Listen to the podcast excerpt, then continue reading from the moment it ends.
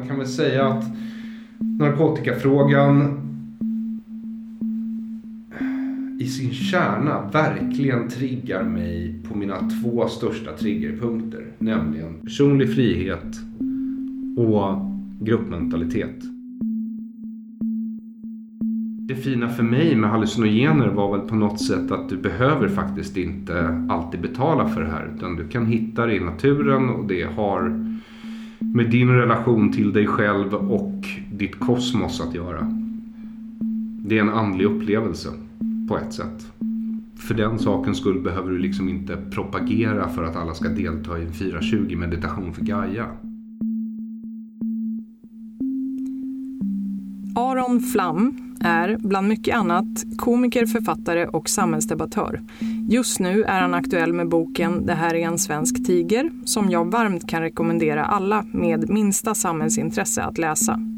Några av er som lyssnar är säkert också redan bekanta med hans omåttligt populära podcast Dekonstruktiv kritik. Han är en av de ihärdigaste sanningsivrare jag har träffat och en bland många frågor han på olika vis har återkommit till genom åren är svensk narkotikapolitik. Inför det här samtalet hade jag en ganska storslagen bild av hur jag skulle kasta ut en hel drös med trådar att spinna på för att sedan lyckas med konsten att binda ihop det hela till en tjusig och begriplig fläta i slutet. Bättre lycka med just den saken nästa gång. Avsnittet som är långt och skiljer sig avsevärt i upplägg jämfört med tidigare varianter fordrar ett visst mått av överseende från dig som lyssnar med mina ganska tvära kast mellan samtalsspår här och var. Med det sagt vill jag, innan jag låter er höra själva, tacka er som stöttar podden. Utan er ingen podd. Vill du donera en slant eller fler kan du göra det via Swish på 0702 88 11 59 eller via något av alternativen som finns beskrivna i texten till avsnittet. Tack! Sist men inte minst hoppas jag att du som lyssnar mår så bra du kan i denna upp och nedvända tid av kris som vi alla på ett eller annat sätt går igenom just nu. Då kör vi! Aron Flam, välkommen hit! Tack så mycket Malin. Kul att du kunde komma äntligen. Tredje gången gillt blir det. Ja, det blir det. Men eh, coviden kom emellan. Mm. Inte idag. Nej. Nej, hittills. Du är författare med Mm. en ny tegelsten till bok som jag håller i min hand som är 460-ish sidor. Så är det. Och du har nästan 40 fotnötter. 40 sidor fotnötter. Jag menar det. Ja. Jag menar det. Det är 40 sidor. reducerat. Tredje upplagan som kommer snart, för det där är första eller andra upplagan, har tre kapitel till ett lite längre, rätt mycket längre första kapitel. Eh, och lite fler fotnötter. Och då har jag ändå rensat bland fotnötterna för annars hade fraktkostnaden blivit för hög. Okej. Ja, vad, vad är det du har lagt till för någonting? Tre kapitel om Sveriges eh, handel med Nazityskland. Som eh, delvis var med i podden men inte helt. Okej. De som inte känner till dig, Mm. eh, som lyssnar på podden. Du är författare, du är komiker. Jag kallade mig skribent och komiker innan jag släppte den där och enligt Författarförbundet i Sverige måste man fortfarande ha släppt två böcker. Det har du. Ja, jag har varit redaktör för två böcker före det här. Okej. Men okej, och den här boken heter Det här är en svensk tiger. Ja. Om du bara vill berätta, det är ju alltså en, den är ju mastig och handlar om väldigt, väldigt mycket saker skulle jag säga. Men i stort, alltså stora drag, vad är det här en bok om? Det här är en bok om tystnadskultur, det kollektiva svenska undermedvetna och vad som händer i kulturer som präglas av tystnad, Mm. skulle man väl kunna säga. Och du lär ha jobbat med den här boken väldigt länge, förutsätter jag. Hela mitt liv kändes det som när jag höll på med den. Eh, Men aktiv research kanske ett och ett halvt år och aktivt skrivande kanske ett och ett halvt år. Mm. Och så jobbade jag väl alla dagar i veckan nästan dygnet runt. Mm. Ja, den är otroligt intressant och kräver nästan att man läser den två gånger, eh, minst, för att få... Tredje upplagan är lite enklare. Jag har förenklat språket lite i den. Det låter i och för sig som någonting synd. Det var väldigt bra språk i den här. Tack. Sen har du även en eh, väldigt populär podd som heter Dekonstruktiv kritik.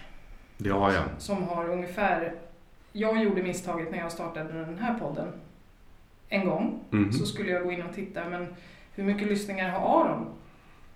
Så då gjorde jag det en gång, Mm. en halvtimme efter att du hade släppt ett avsnitt. Mm. Och då var det uppe på, jag vet inte, 25 000 lyssningar på en halvtimme. Oj, var tittar du då? På Soundcloud. Okej. Ja, ja det, det var kul att höra. Mm. Hmm. Jag tyckte inte det var kul. Nej, nej. Nej.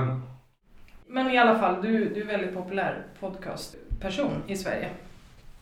Ehm, och en del av de grejerna som du har pratat om, bland annat i podden, handlar ju om svensk narkotikapolitik. Ja, speciellt i början. Innan det verkligen brakade loss i Sverige. Hur menar du då? Jag tror att eh, innan SD var över 13 procent så var ändå, det var ändå fortfarande till stor del ett annat land. Konsensus var starkare. Mm. Polariseringen var mindre. Åsiktskorridoren var betydligt smalare. Det var inte länge sedan. Nej. Men du menar att det, alltså, det är ju egentligen bara en, Det är en, en variabel av många. ja, Mm. Eh, skulle jag säga. Och det här har, det som händer har inte bara med SD att göra utan det är väl snarare en re- reaktion på vad som händer underliggande. Och Ja. som jag också delvis går igenom i den där boken. Och att socialistiska experiment alltid på något sätt når sin naturliga slutpunkt oavsett hur snabbt man implementerar systemet eller inte. okej. Vill du utveckla det eller? Jag tror ju att rent psykologiskt så är socialism en form av kollektiv dödslängtan. Därför att de vill skara, skapa ett pa, paradis på jorden. Och paradis är någonting man kommer till efter att man har dött. Om man tror på sånt, vilket jag inte gör. Eh, så att man vill skapa ett tillstånd av himmel på jorden, en utopistisk fantasi, brukar alltid sluta i blodbad av något, någon outgrundlig anledning. Sen är det så också att specifikt socialismen som egalitär kollektivistisk kult eh, de eh, fokuserar på att ta bort vad de ser som sina konkurrenter. Det vill säga organiserad religion vill de avskaffa. De vill avskaffa familjen. De vill avskaffa det egna ägandet. Så att alla äger allt tillsammans. Ehm, och de här sakerna det är liksom grundbultarna i mänskligt liv. Det är de benen som mänskligt socialt liv alltid står på. Tar du bort dem, då går samhällen under. Vad menar du med avskaffa familjen? Ja, men till exempel eh, du vill eh, helt ta bort könsrollerna istället för att låta par själva definiera hur, hur de vill lägga upp sin relation. Så arbetar ju staten på en viss typ av relation som de tycker människor ska ha. Eh, att de tar ifrån dig dina barn så att alla barn får en likadan uppfostran och lika dålig om du frågar mig. Och då tar de, då, då, då, och då, vad, vad som händer då det är att för det första så skulle man kunna säga att du försvagar om inte förstör relationen mellan generationerna. Du urholkar också föräldraskapet som auktoritet över barnen och barnens trygghet gentemot ens föräldrar som auktoriteter. Och till slut så får du ju ett väldigt atomiserat samhälle där människor är mer beroende av staten än vad de är av sin egen familj eller sina vänner. Det är ett exempel. Okej. Det känns som vi kan spåna vidare i det här väldigt långt och det vill inte jag. Utan jag vill att vi går över till... I andra börjar- kulturer till exempel, Mm. vill jag bara lägga till, så kanske det är barnen som tar hand om de åldrande och döende föräldrarna. Men så är det ju inte i den svenska kulturen utan här har vi litat på att staten ska ta hand om våra äldre och våra svagare medlemmar. Och då måste man ju verkligen ha förtroende för att de tar det ansvaret. Och det kan man ju se gång på gång på gång hur staten i det här landet misslyckas med. Ytterligare ett exempel. Har du något konkret exempel på den saken? Just nu pågår covid och smittan har kommit in på vartenda äldreboende i Stockholm. Så jag skulle säga att misslyckandet är fullständigt. Mm. Mm. Okej, men då, då väntar vi med cannabis lite för då, då börjar vi prata lite istället tycker jag om det som pågår nu. För det kan vi inte bara vifta förbi heller.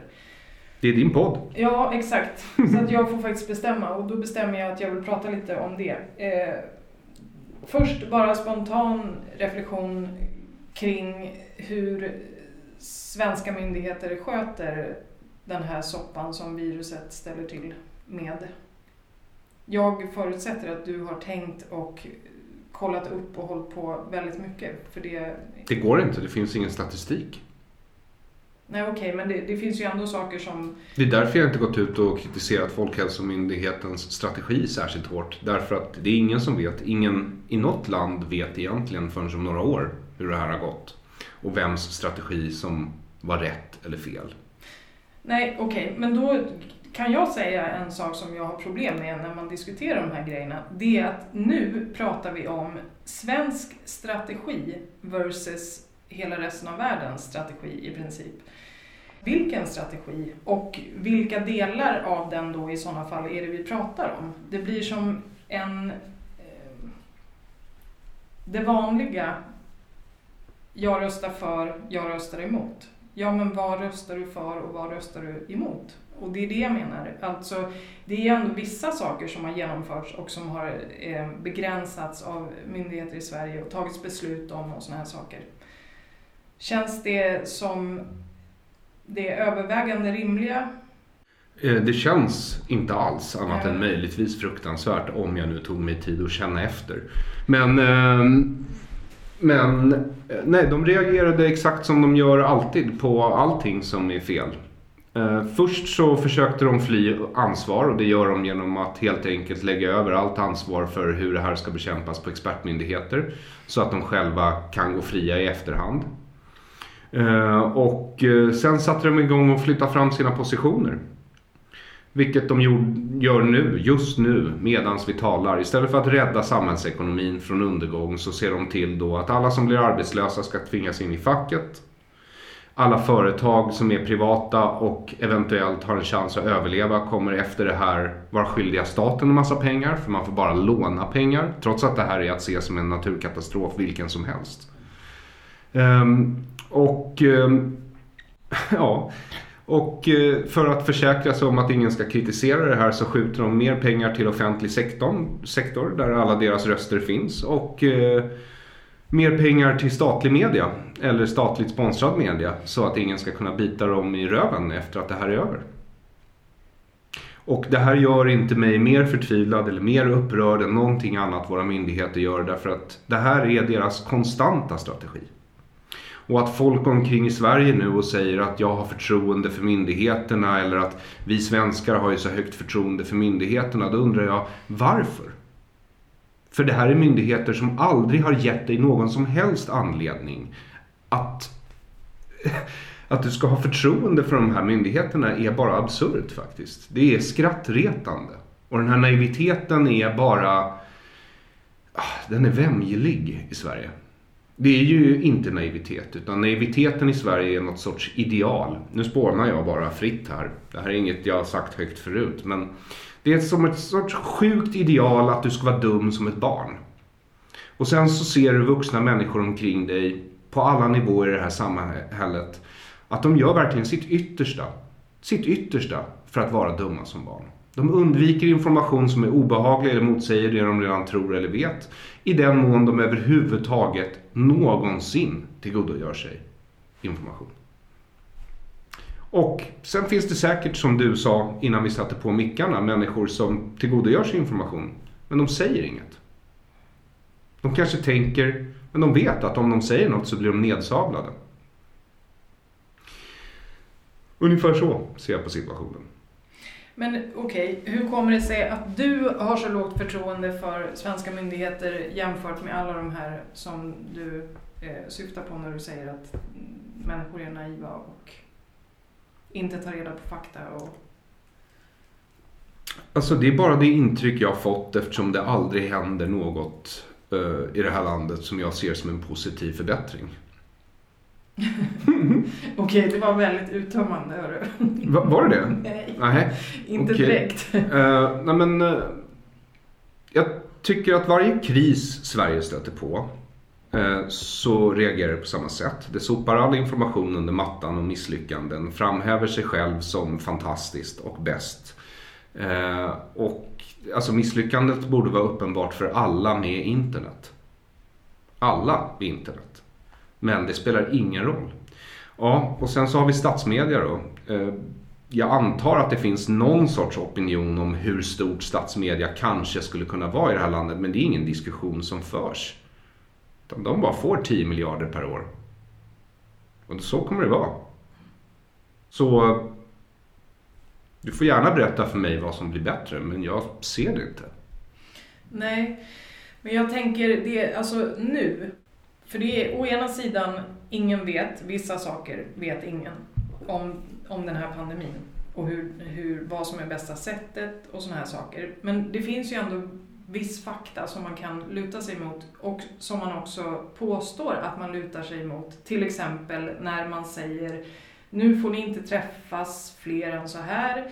Nu måste ni vara två meter ifrån varandra eller nu måste restaurangerna flytta borden så här långt ifrån varandra. Då lutar man sig ändå eh, mot någon typ av kunskap om det här viruset och om hur det sprider sig. Det är det jag menar med att eh, vissa saker vet vi ändå om viruset.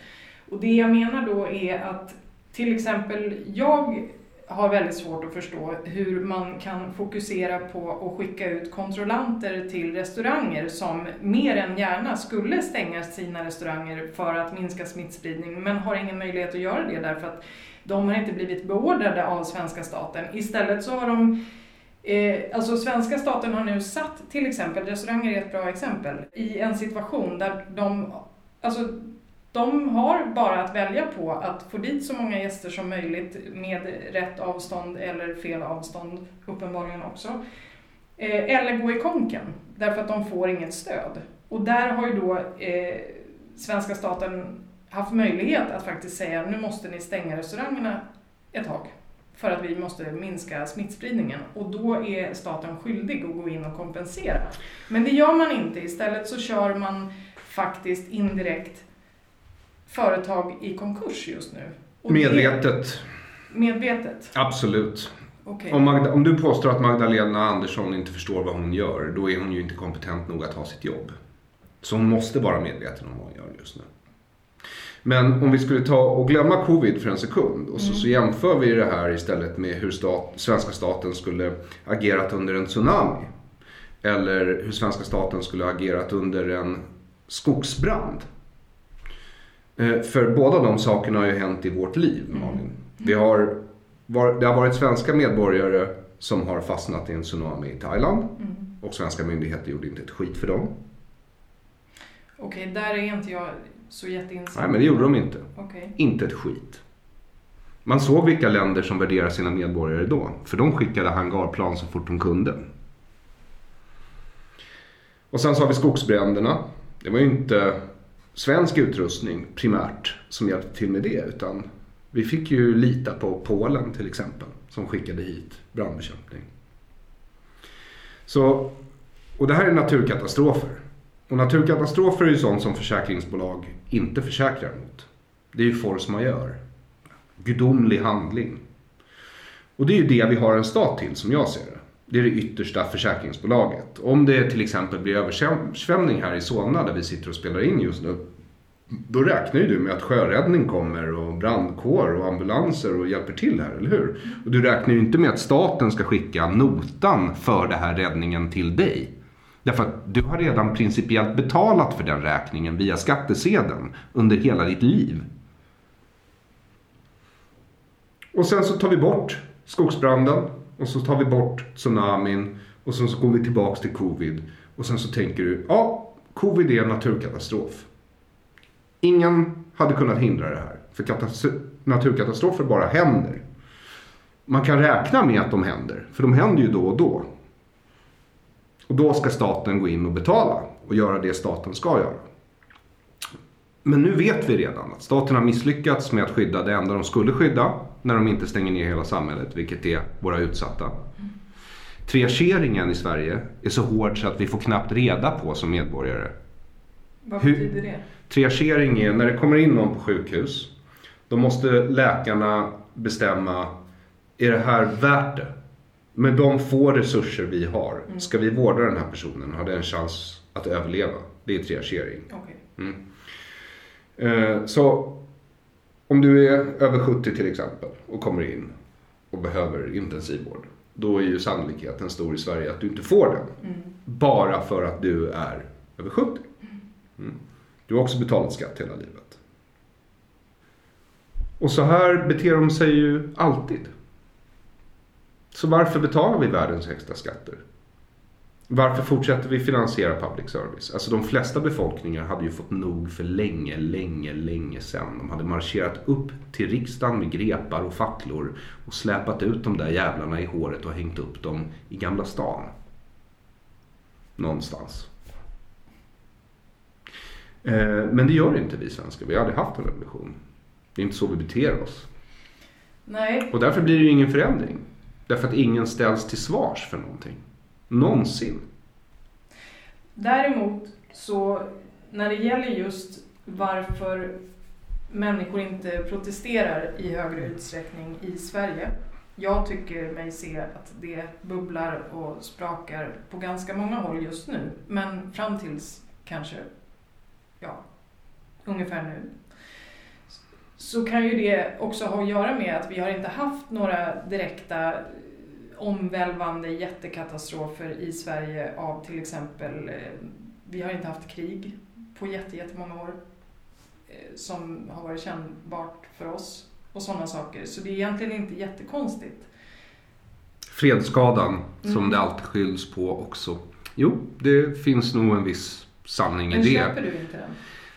Inte helt och hållet därför att det sker ändå katastrofer hela tiden. Estonia och terror på Drottninggatan. Och det är bara det att folk glömmer så fort eftersom det görs ingen uppföljning och statsmedia dominerar all media och trycker ut den fria media som finns och resten blir beroende av statsbidrag och de kommer inte kritisera någonting. Så Det är problematiskt med hela det mönstret. Det Kulturen är ju självförstärkande för att glömma just den här typen av misslyckanden. Den är gjord för det.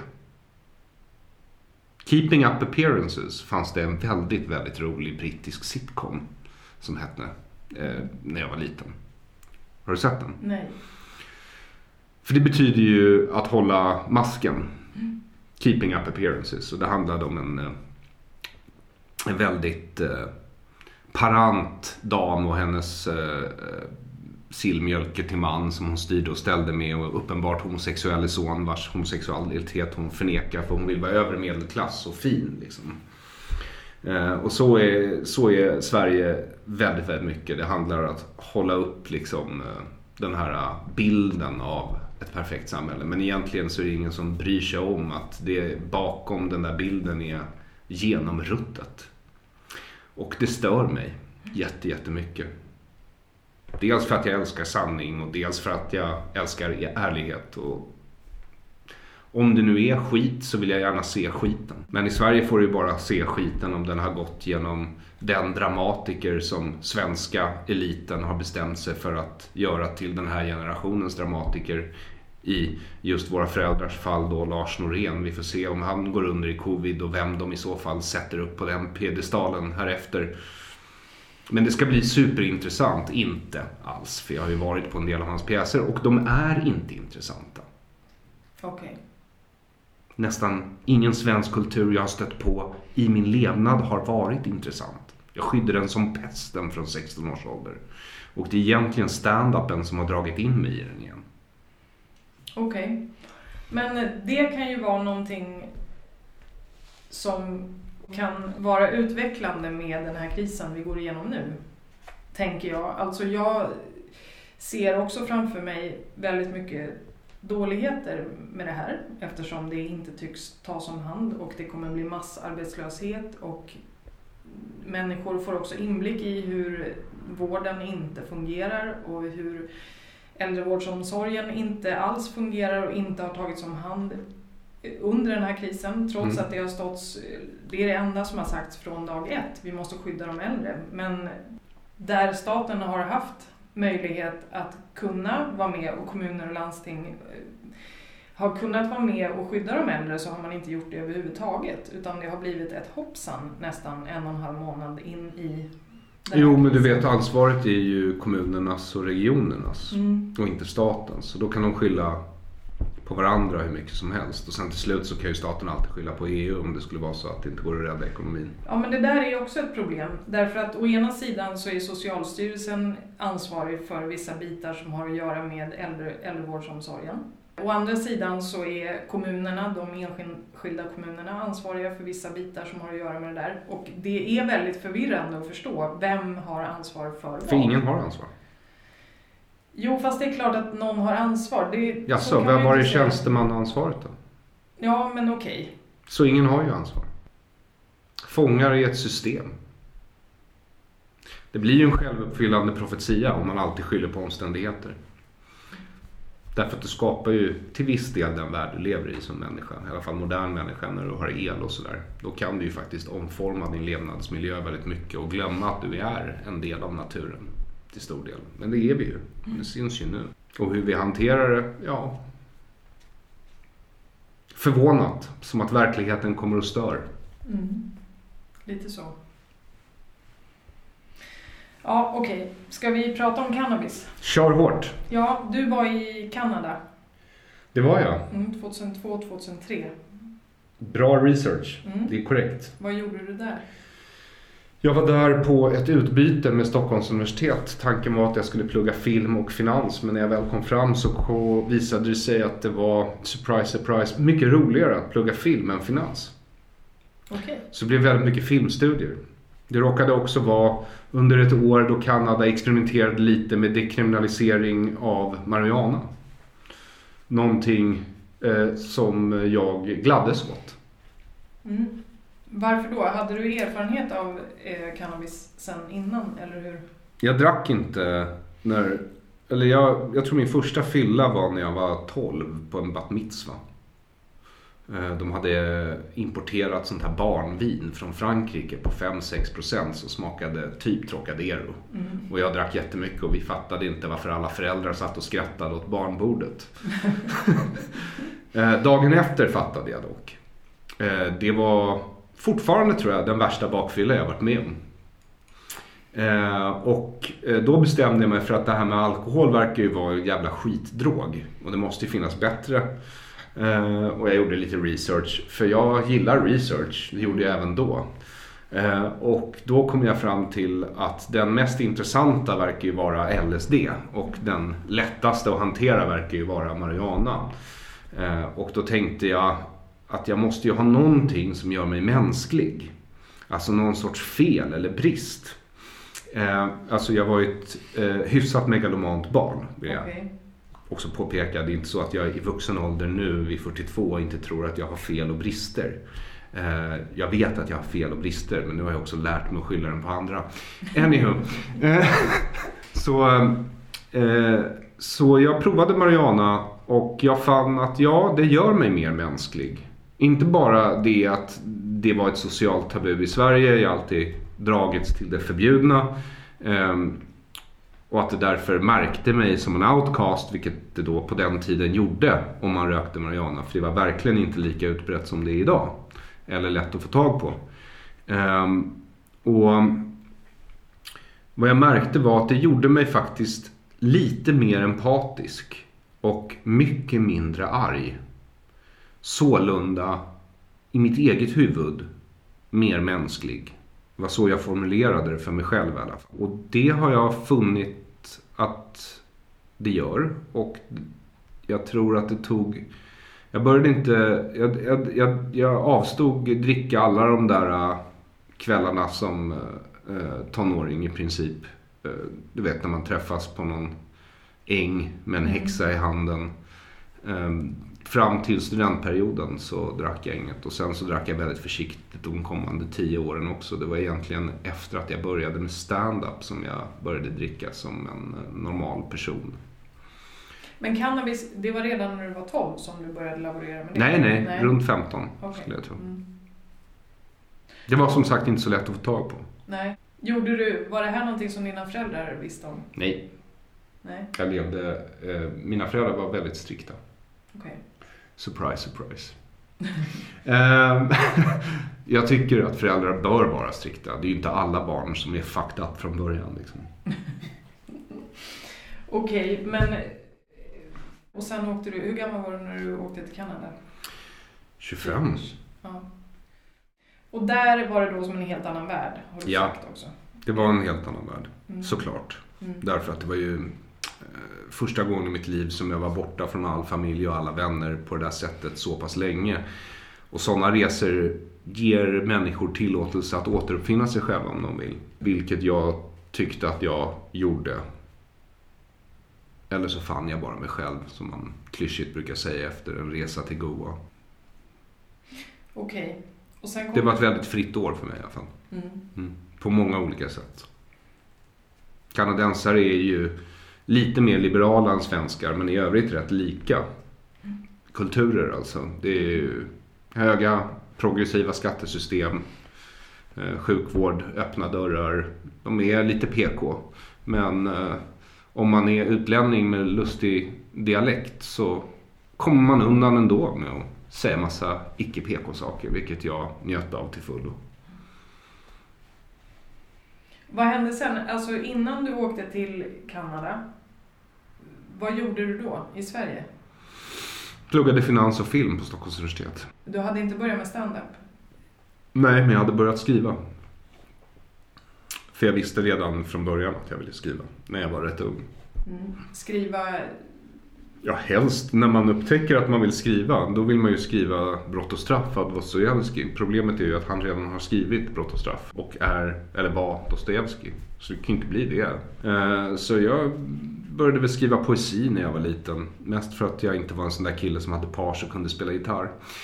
Eh, och eh, sen fortsatte det väl så. Sen någon gång jag har alltid gillat den personliga essän väldigt mycket. Det är egentligen som en krönika fast mycket längre. Mm. Eh, och då var det någon av skribenterna där, någon amerikansk personlig essayist från 1900-talets början vars namn jag inte kommer ihåg. Men jag kommer ihåg att eh, för hans essä handlade om skrivande. Och eh, jag kommer ihåg att han inledde det med att när folk frågar mig vad jag skriver för något så svarar jag alltid pengar. För det är det jag skriver för. Eh, därför att vill man ha skrivande som yrke då måste du kunna skriva allt. Eh, och sen kanske jag ville skriva romaner men då satte jag upp en lista på väggen med alla typer av skrivande och alla typer av redigering. Och sen betade mig igenom den listan i princip som frilans. Så jag har skrivit allt från tekniska manualer och affärsplaner till poesi och, och reportage. Man Reklam, hitta- allt möjligt. Din poesi, det hade varit kul att hitta. Den kan man som tur är inte hitta. Eftersom jag var för ung för att kunna publicera på internet. Tack Okej. och lov. Okej, förstår. Alltså för att internet inte riktigt fanns på det Nej. sättet. Nej. Nej, det är konstigt att tänka på det, men det gjorde ju inte det. Nope. Nej. Okej, men så då kom du tillbaka till Sverige efter Kanada Mm. och började göra vad då? Eh, började väl frilansa som skribent. Mm. Eh, Jag tog examen några år senare. Alltså jag hade några kurser kvar och så började jag frilansa. Ehm, Det fanns någon inkubatorverksamhet på Stockholms universitet som jag blev inblandad i. Minns inte exakt vad de hette. Men det var liksom första IT-vågen och alla de här studentföretagen behövde affärsplaner. Så jag började skriva affärsplaner helt enkelt väldigt mycket. Okej. Och, och så tog min examen lite längre tid än vad som var tänkt antar jag. Men jag har för mig också att jag har skrivit två C-uppsatser i film. Du har för dig det? Jag har för mig det, men jag minns inte. Jag tror jag, skrivit, för jag, tror jag skrev någonting först om monopol och filmmarknaden och sen skrev jag om Trickster-myten några år senare. Då hade jag redan börjat med stand-up tror jag. Okej. Och när började du debattera cannabisfrågan? Jag, debatterar, jag tror att jag började rätt tidigt. Därför att när jag började frilansa så sökte jag mig delvis till det som ämne.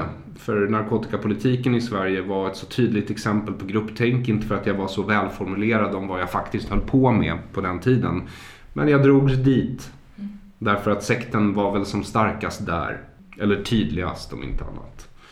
Eh, och fick möjligheten att skriva några stycken reportage åt en tidning som heter Faktum som fortfarande finns. Som är en gatutidning i Göteborg och Malmö och några andra mm. mindre städer. Eh, och där skrev jag då om narkotikapolitik. Ja, där skrev du bland annat eh, om cannabiskuppen eh, i Amsterdam. Japp, jag var med på den sista någonsin.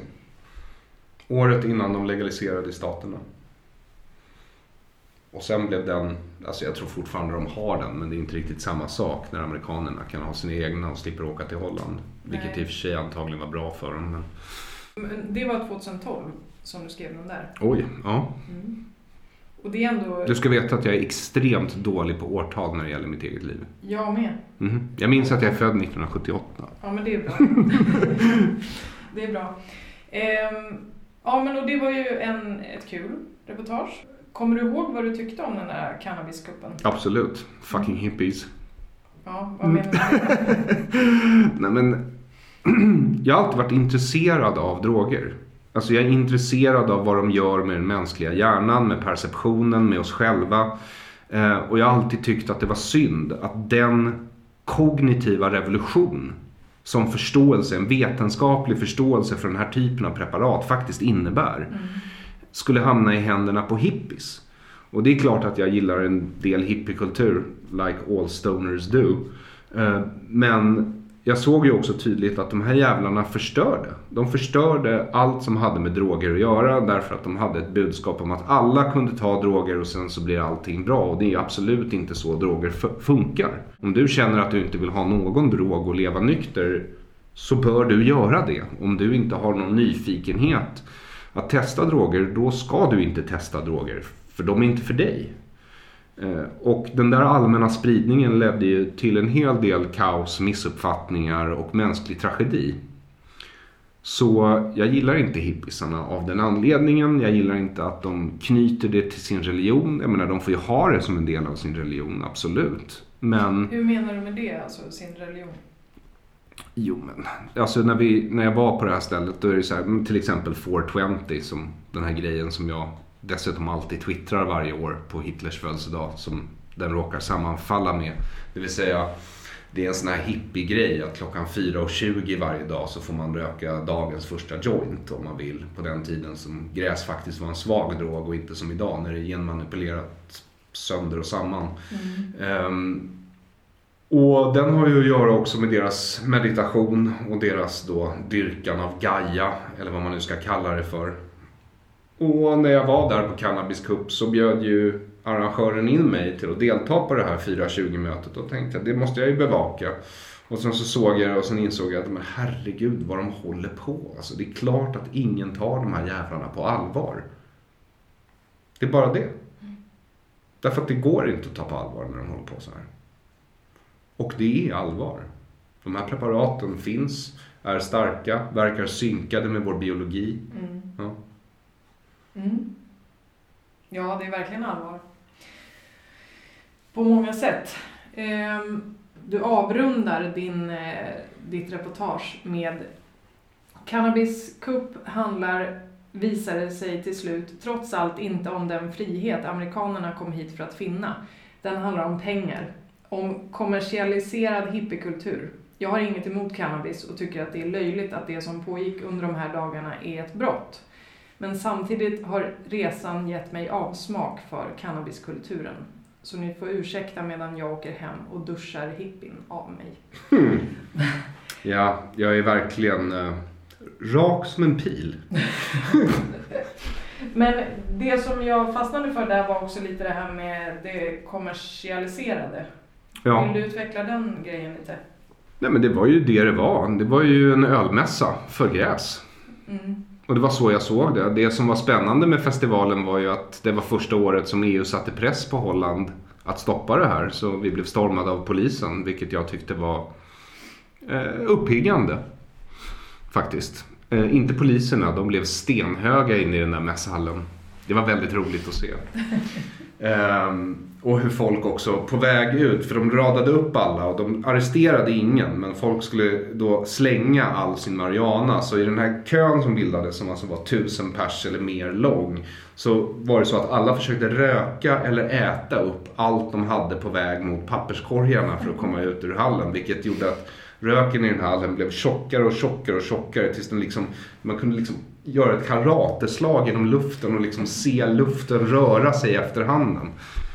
Um, ehm, så det var roligt. Eh, men, men kommersialiseringen, alltså jag har ingenting emot kommers heller. Men just när det kopplas ihop med religion på det här tydliga sättet, att du säljer andlighet, blir löjligt, tycker jag. Faktiskt. För det fina för mig med hallucinogener var väl på något sätt att du behöver faktiskt inte alltid betala för det här. Utan du kan hitta det i naturen och det har med din relation till dig själv och ditt kosmos att göra. Det är en andlig upplevelse på ett sätt. För den sakens skull behöver du liksom inte propagera för att alla ska delta i en 420 meditation för Gaia. Även det är en saker, alltså min andlighet är en sån sak jag föredrar att sköta själv. Sen är det också så att hallucinogenerna är ihopblandade med religion för mig. Jag är intresserad av tro, jag har alltid varit intresserad av tro. Och när jag satt där i raderna i Stockholms stora synagoga som barn och tvingades sitta kvar medan alla andra barn fick springa ner i källargångarna och leka så ägnade jag min tid åt att läsa Gamla Testamentet primärt på svenska och jag var alltid alltid så oerhört fascinerad av kunskapens frukt i paradiset. Den där frukten som gjorde oss självmedvetna mm. i mitt barnhuvud då alltså smartare och jag hade så förtvivlat gärna velat ta en extra tugga på den där frukten som är översatt till äpple men det är en felöversättning. Det betyder bara frukt och kan således vara vilken frukt som helst. Och det eh, påverkade mig nog också att söka mig till den där typen av preparat. Kan jag inte förneka. Nu blir det inte så logiskt konsekvent, men eh, det är ett problem jag har när det kommer till det här ämnesområdet antar jag. Ja, men det är väl lite tjusningen med det också. Absolut. Men det, det här är i alla fall, den här, det här reportaget i Faktum, det är ju bara ett av ganska många, du har ju skrivit mycket debattartiklar också. Det har jag säkert i stunder av plötsligt ursinne eller när flocken stormar som mest och ingen verkar ställa sig upp och säga håll käften. Då känner du, jag säger håll käften? Ja. Mm. Till slut. Först är det ju någon vecka där man undrar varför det är ingen som säger håll käften. Mm. Sen gör du det. Mm. Det jag är ute efter är om du i stora drag kan dela med dig av, när du har givit dig in i sådana här debatter som jag förutsätter att du även har gjort privat och i liksom off the record. Om man, man måste ju träna. Ja, precis. Men vad brukar du, alltså finns det någonting då hos människor som inte håller med dig? Vi kan ju börja med att säga att du tycker att cannabis ska legaliseras. Ja. Ja. Det tycker jag. Jag tycker att cannabis ska legaliseras. Mm. På vilket sätt tycker du att det ska legaliseras? Fullständigt. Därför att det är inte statens principiella uppgift att bry sig om vad du gör mot dig själv. Okej. Okay. Men då är frågan också, tycker du, även, tycker du att alla droger ska legaliseras? Nej, det tycker jag inte. Jag tycker att det måste göras på någon sorts drog till drog basis. Okej, okay. men varför ska då till exempel cannabis legaliseras men inte ja, någon drog du inte Crack. Tycker? Ja. Mm. Um, därför att crack är mycket farligare och har mycket större negativa konsekvenser. Externaliteterna är så stora så det kan vara motiverat att faktiskt lagstifta mot vissa preparat. Jag så inte, där är det jag, inte frihet? Alltså jag vet var jag står ideologiskt men verkligheten kommer faktiskt eh, förr eller senare att vinna. Så man måste på något sätt ta hänsyn till den. Mm. Mm. Men vill du utveckla det resonemanget lite? För jag tycker det är ganska intressant. För det är ju å ena sidan, kan man tycka, varför ska någon bestämma vad jag vill göra med min kropp? Om jag vill göra det här som är jättedåligt för mig, och jag vet om det men jag ändå vill välja att göra det här. Varför ska någon bestämma att jag inte får göra det? Mm, det är en Och jättebra fråga. Varför? Jag har aldrig hört något bra svar på den frågan. Nej, så, men, men eftersom du ändå har en sorts konflikt i det där själv.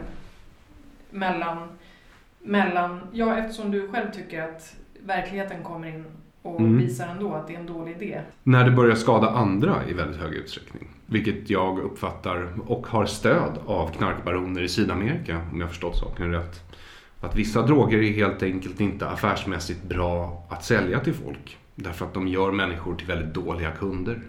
Som skadar alla omkring dig. Mm. Okej, så du tycker att det ska finnas någon sorts gränsdragning eh, när det gäller hur det påverkar vårt beteende gentemot vår omvärld?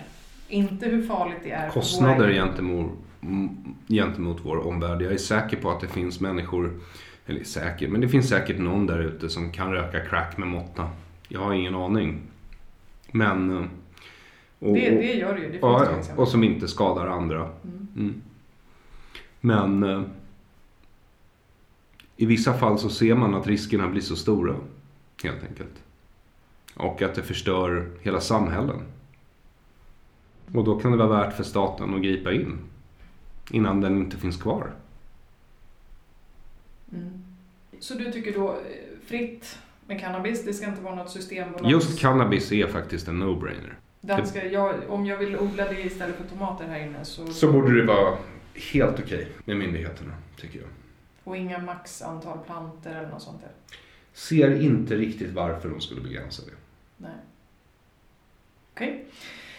När du då debatterar det här med motståndare i den här frågan, vad är oftast det som du får som mothugg emot att cannabis ska legaliseras?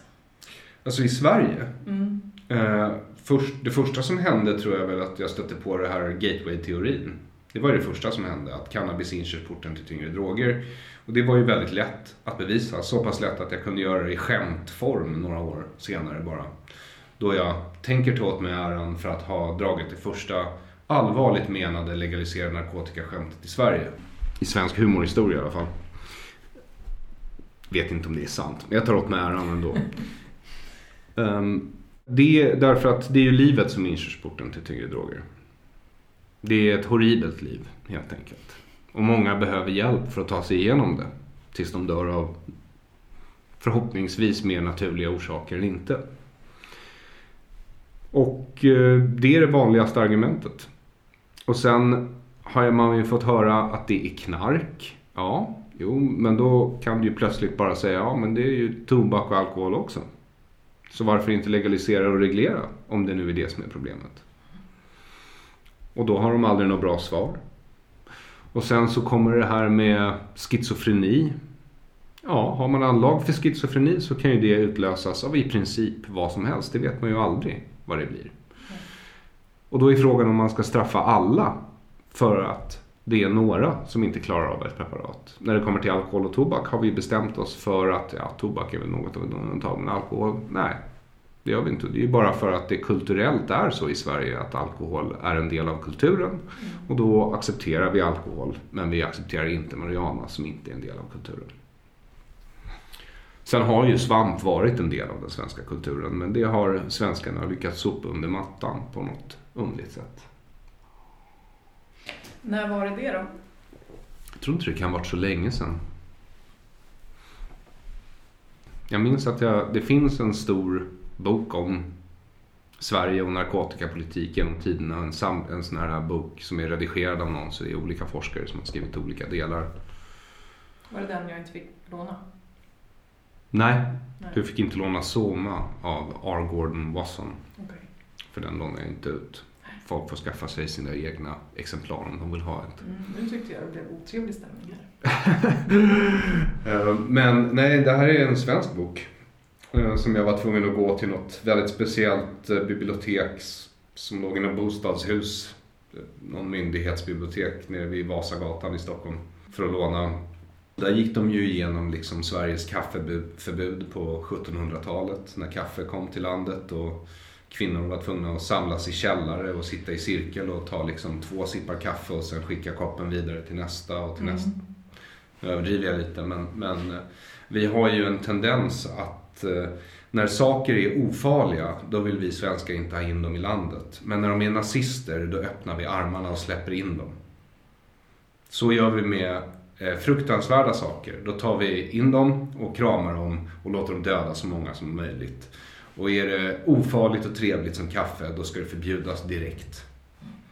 Ja, fast Eh. kaffe är ju inte förbjudet. Nej, och sen svamp och sen tror jag att man, en av de mer intressanta essäerna handlade just om eh, monopoliseringen av apoteksmarknaden i Sverige. För om jag förstod den essän rätt så var det ju så att innan apoteksmarknaden blev, blev centralstyrd av staten så eh, hade överklassen hade sina Dr. Feelgoods, alltså läkare som var deras personliga läkare och som gav dem doser morfin som skulle få en modern heroinist att se ut som en jävla tönt.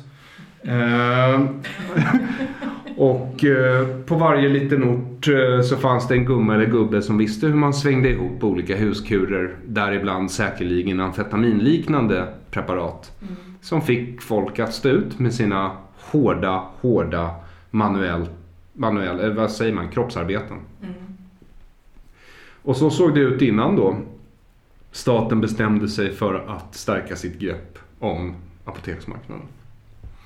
Så det har ju funnits här. Sen har jag för mig också att just en viss typ av svamp som växer i Sverige som är hallucinogen brukade läggas i sprit Mhm.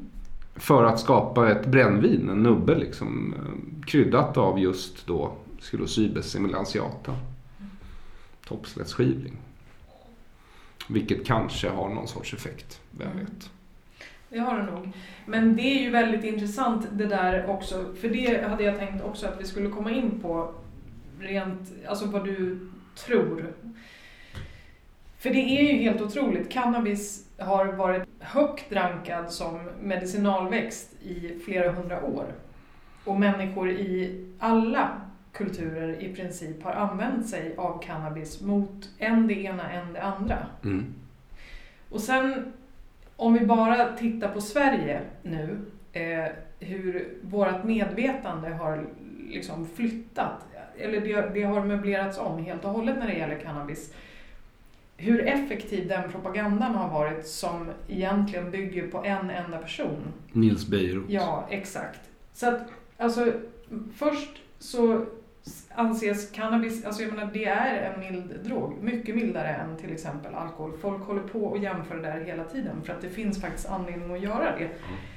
Och sen så kommer den här Bejerot och får fäste överallt i Sverige och så ska vi måla ut cannabis då som farligt knark. Och man hittar på lögner om det här, att det leder till det ena och det andra och att det leder till tyngre droger. Det finns ingen, det finns ingen, inget fog för att säga en sån sak om man tittar på hur det påverkar vår hjärna, om vi bara tittar på liksom de fysiska eh, mekanismerna. Som när man pratar om gateways, Alltså det finns mycket vi kan prata om med det här för att det, det finns massa preparat som du kan gå och få av din läkare om du tycker att livet är jobbigt eller om du har ont eller någonting annat. Som väldigt många människor till exempel tar sig ur ett, ett beroende av skitpiller faktiskt som påverkar kroppen på ett förskräckligt sätt och som är farligt. Lagligt knark helt enkelt. Det ser vi som händer nu, det ser jag i alla fall jätte, jättemycket för jag pratar med så många människor som blir av med tunga missbruk av receptbelagda mediciner med hjälp av cannabis. Men det jag menar är, hur, hur är det möjligt att påverka människor i stor grupp på det sättet? Alltså den typen av propaganda. Jag tycker att det är väldigt, väldigt intressant att plötsligt så är det de senaste 50 åren som gäller när det gäller vad vi tänker om cannabis. Alltid innan så har cannabis inte varit... Alltså det kanske har varit några dippar, inte vet jag. Det kan inte jag säga för det så pass väl vet inte jag vad som hände på 1500-talet. Det kanske var förbjudet 10 år då också, eller 70. Inte vet jag. Men att det kan bli på det sättet. Det finns så mycket kunskap om cannabis Ja. i hela världen. Mm. Och ändå så tillåts det att vara så förbjudet som det har varit. Det övergår mitt förstånd. Jag förstår inte. Alltså jag förstår inte hur det är möjligt.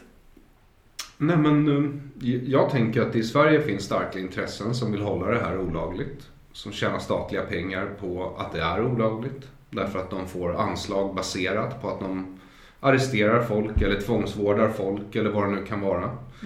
Mm. Eh, och de rörelserna är fortfarande rätt starka.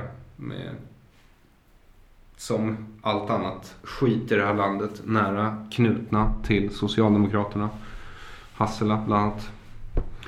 Um, och sen så har vi ju det här kulturella då med att man ska sitta still i båten för att inte bli utfryst. Därför att tystnadskulturen i Sverige är så stark att om du vågar yppa en egen kritisk tanke, behöver inte ens vara kritisk, kan räcka med att det är en egen tanke som inte passar då konsensus, det människor har konformerat sig till. Då blir du utfryst. Så de sociala liksom, mekanismerna för att skydda flocken i Sverige är, alltså ideologiskt, är enormt starka.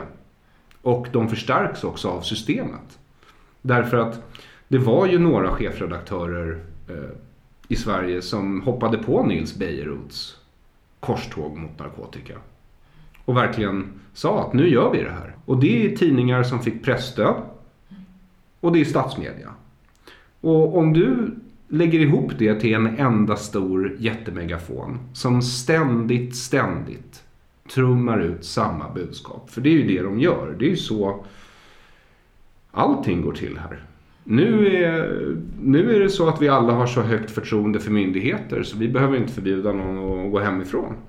När det egentligen antagligen är så att de har ingen laglig rätt att förbjuda folk att gå hemifrån. Men då skyller de på någonting annat och sen så ljuger de. Och sen så använder de sig av sina talking points. Någonting, alltså det, det var ju så intressant när Fox News uppstod i USA. För reaktionen från svensk media var ju som den är mot Trump nu eller alltid har varit mot SD. Det vill säga den är unison, mm. i princip eh, helt fri från argument. Det är ren ideologisk ad hominem. Dygnet runt, hela tiden. En film som nyligen kom ut, en amerikansk film som hette Midsommar. Har du sett den? Nej. Jag har inte sett den heller. Jag har bara sett trailern. Och sen så konstaterar jag att den här behöver jag inte se. Jag lever i den där filmen. Det här landet är som en sekt. Det känns verkligen så. Och då använder jag ord som känns. Det är starka ord. Men jag ser också tecken på det. Hela tiden, överallt. Ett i princip sjukt, alltså patologiskt eh, sektbeteende. Alltså, jag håller ju med om det motvilligt. Mm. Jag gör det åtminstone, alltså om vi ska hålla oss till en fråga så att vi inte bara... Eller det behöver vi inte. Det här kanske blir ditt flummigaste avsnitt eller så får jag komma tillbaka en gång till. Nej, nu ska det här bli bra. Nej, men alltså jag ser också det jättemycket och jag är väldigt intresserad av det och tycker att det är väldigt läskigt. Eh, alltså just det här, det här sektliknande tänket som jag också förstår, alltså om vi tar cannabis till exempel. Det, vi pratade om det lite innan vi började spela in, att det är än idag, jag tror att många är av uppfattningen att Jo, men idag kan man ju prata om det här med cannabis, det är ju inga problem alltså för att ja, vi ser ju, det skrivs ju lite grann ibland om åtminstone lite legaliseringar här och där, mm. även om det fortfarande påstås allt Alltså allt möjligt som är fel. Det finns, ing, det finns inga bevis för att det här är medicinskt, det finns inga bevis för bla bla bla. Säger de som ett stort fuck you till forskare som har forskat på det här i liksom mm. över 50 år det är helt otroligt att bara påstå sådana här saker eh, utan, utan någon grund för det. Liksom. Det, det pågår fortfarande. Men det som jag ändå inte riktigt förstår det är den här grejen som uppstår hela tiden. Vi ser det nu också under den här pandemikrisen. Det, är liksom, det blir som att det är hela tiden att man ska tillhöra ett lag. Jag vet inte hur många människor jag har hört som säger så här, jag är för Anders Tegnell, jag är emot eh, Folkhälsomyndigheten. Jag förstår inte De tänker kollektivistiskt. Jo, Allting men... delas upp i kollektiv. Jag tänker på det där varje dag. Eh, jag tänkte på det senast, senast de här senaste två dagarna Eh, jag har inte läst någon av böckerna. och Kanske är de så jävla dåliga som recensionerna påstår. Men Ann Heberlein och Rebecca Weidemo Well har just släppt varsin ny bok. Den ena handlar om Hanna Arendt. Det är Ann Heberlein som har skrivit den. Och den andra handlar om yttrandefrihet. Och det är Rebecca Weidemo Well som har skrivit den. Och jag råkar också veta, eftersom jag har skrivit förordet till Rebeccas bok, att den inte bara är hennes text utan hon har samlats an samlat andras texter om yttrandefrihet. Några av dem håller jag inte med om och jag kanske inte ens tycker att hon tog med alla som borde få vara med i en sån bok om yttrandefrihet. Men det spelar ingen roll därför att när man läser recensionerna av deras böcker då är det direkt på dem som personer och vad de står för och det handlar ingenting om innehållet i böckerna. Alltså ingenting. Och det, är, och det här gäller även människor från deras egen krets eller förmenta liberaler som går ut och bara hänger med flocken och bara krossar de här människorna på grund av vem avsändaren är. Och då är det ju knappt ens så att i det här fallet att det handlar om Ann Heberlein och Rebecka Weidemo Uvell som personer utan vad deras personer representerar för kollektiv vilket då är vad vänstern numera kallar för avgrundshögern eller någonting i den mm. stilen. Mm. Um, vilket också är ett intressant begrepp, att de delar in allting i kollektiv och sen när det inte är tillräckligt för att beskriva ett kollektiv så måste de dela upp det kollektivet i mindre kollektiv. Mm. Men aldrig liksom att man tar ut en enskild person, skärskådar dens karaktärsegenskaper och handlingar eller ord i förhållande till utfall och sen säger så här är det. Det händer inte. Um, vad gäller din fråga så är det ju så här i Sverige att för det första så är Sverige ett kollektivistiskt land. Så folk har svårt att se individer. De ser kollektiv. När de möter dig så frågar de dig vilka kollektiv tillhör du? Mm. Så att de kan sätta dig i en mental karta över hur de ser verkligheten. Så är det alltid här. Eh, och sen det jag faktiskt citerar i min bok Det här är en svensk tiger som är en kort liten uppsats av en kille som heter Andrew Young Eh, som har skrivit om hur det juridiska systemet korrumperades av nazisterna i Tyskland innan andra världskriget. Eh, och det korrumperades på samma sätt som alla system korrumperas på, nämligen av en eller några få som driver på en fråga. Några fler runt den eller de som leder, som hjälper till. Och sen en stor massa som bara håller tyst, knyter näven i fickan och gör det bästa av situationen utan att opponera sig. Och så ser det ju ut i Sverige med alla frågor i princip. Det är alltid någon enstaka eller några få som driver på och sen är det lite fler i media vanligtvis eller kulturen som hjälper till och den stora massan som håller käften, knyter näven i fickan och inte gör någonting. Och då hade man kunnat se det som jag gör i perioder av svaghet, att den stora massan, att det är synd om dem. Men oftast numera så är jag bara trött på att de är så integritetslösa och fega att de inte vågar säga någonting. Därför att jag tror att det här landet hade blivit mycket, mycket, mycket trevligare på sikt om folk hade vågat säga vad de tycker. Till en början hade det blivit lite kaosartat och kakafoniskt. Men... Eh, mm. Ja, men och sen, jag, jag tänker också jättemycket på det där. Och det vet du, jag har pratat med dig om det tidigare också. För att jag försöker liksom få ordning i mitt eget huvud om, kring de här sakerna. För att det är väldigt lätt också, det är väldigt lätt att sitta här, du och jag, som på något sätt sysslar med att, eh, vad ska man säga, sätta sig in i olika typer av frågor och dra slutsatser och intervjua och liksom debattera och du gör det med allt som du jobbar med. Alltså det är ditt jobb. Ditt jobb, eller hur? Mm. Det är ju att ta reda på olika saker. Du ägnar jättemycket tid åt det. Det är ju bara den här boken är ett bevis på hur mycket du ägnar dig åt det. Eh, och sen att, jag menar det är ditt jobb att yttra dig också om olika saker. Så är det. Gör du. Och, mm. och alla har inte tid eller råd. Nej, det är det jag menar. Så att det är väldigt lätt Men de har fan blir... tid och råd att sätta sig in mer än vad de gör idag. Det tror jag faktiskt på riktigt. Därför att jag ser det i mindre länder med mer uppenbart förtryckande strukturer, regimer. Mm. Så ser jag ju folk göra det. Det var någon som, jag såg någon hade kritiserat någon av de utländska, engelska eller Fauci eller amerikansk Tegnell liksom. Ja. Eh, och så kommer det in en massa troll och skriver så här, "Åh, lita på experterna. Och då hade den här personen svarat så här, alltså det där är ju deferring to authority. Det är ett retoriskt misstag. Jag gör så att jag läser efter bästa förstånd och sen så tänker jag så gott jag kan. Och sen tycker jag till om saker och mer än så är det inte. Hur gör du? Ställde den här twittraren då frågan till alla sina belackare och troll. Och där slutade de ju svara. Därför att de tänker inte själva. Och de sätter sig inte in i saker.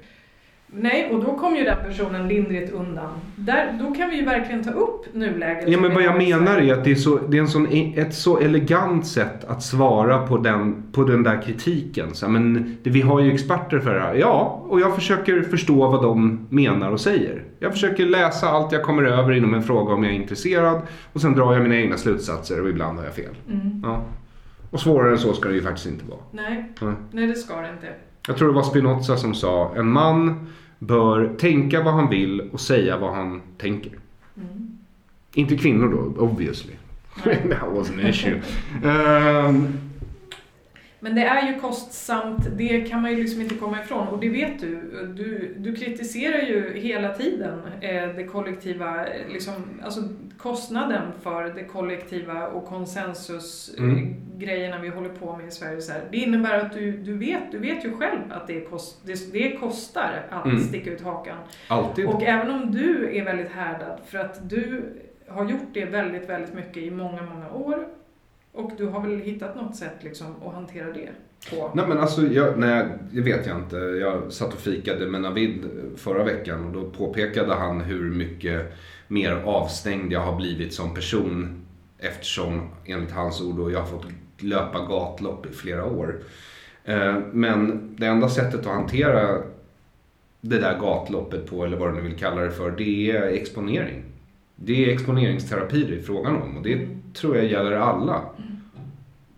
Ja, men och det jag menar, jag vill bara förtydliga, det jag menar, det är inte så här, ja men du är ju duktig på det och bla bla bla, utan jag tänker ofta, eller ibland, det är inte så att jag sitter och tänker ofta, stackars Aron, det är inte så, jag menar inte så, men det slår mig ibland att även om man kan ses som en person som har tagit på sig en roll att ge sig in i debatter, då blir det väldigt lätt att väl, en stor flock människor tänker då att den personen har gjort det, så att därför får jag säga vad jag vill om den.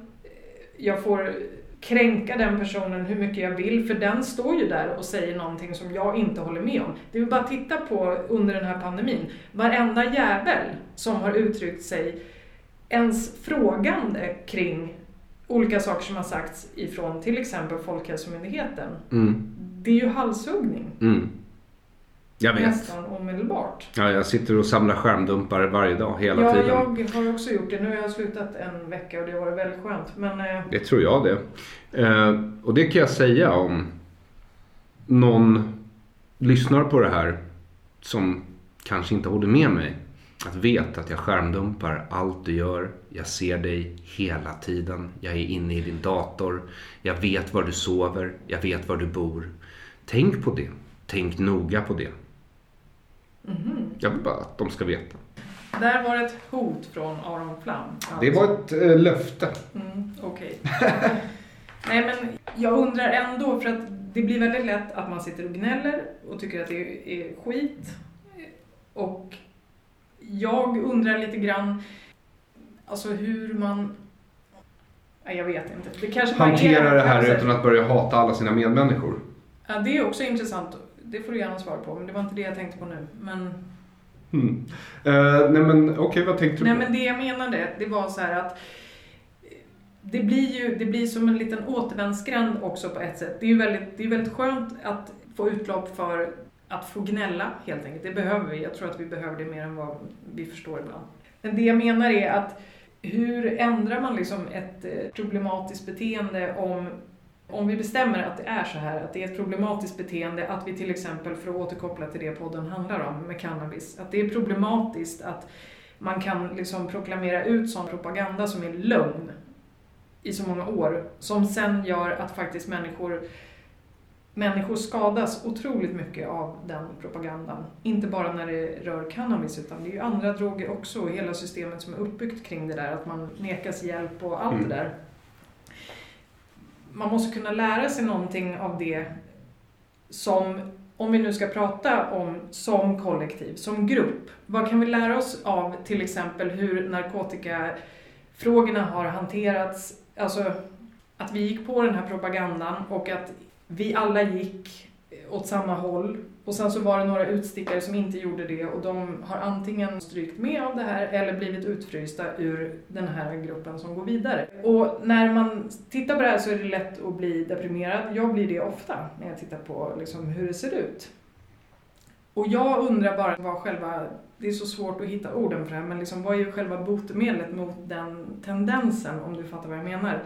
Är det bara kaos som behövs för att vi sen liksom ska samla ihop några bitar och bygga något bättre? Jag är Vad absolut liksom- inte säker på det. Utan Okej. jag tror att kaos kan leda till att vi plockar ihop de sämsta bitarna efter något sånt här. Och gå, alltså, för det första, eget ansvar måste folk tro på.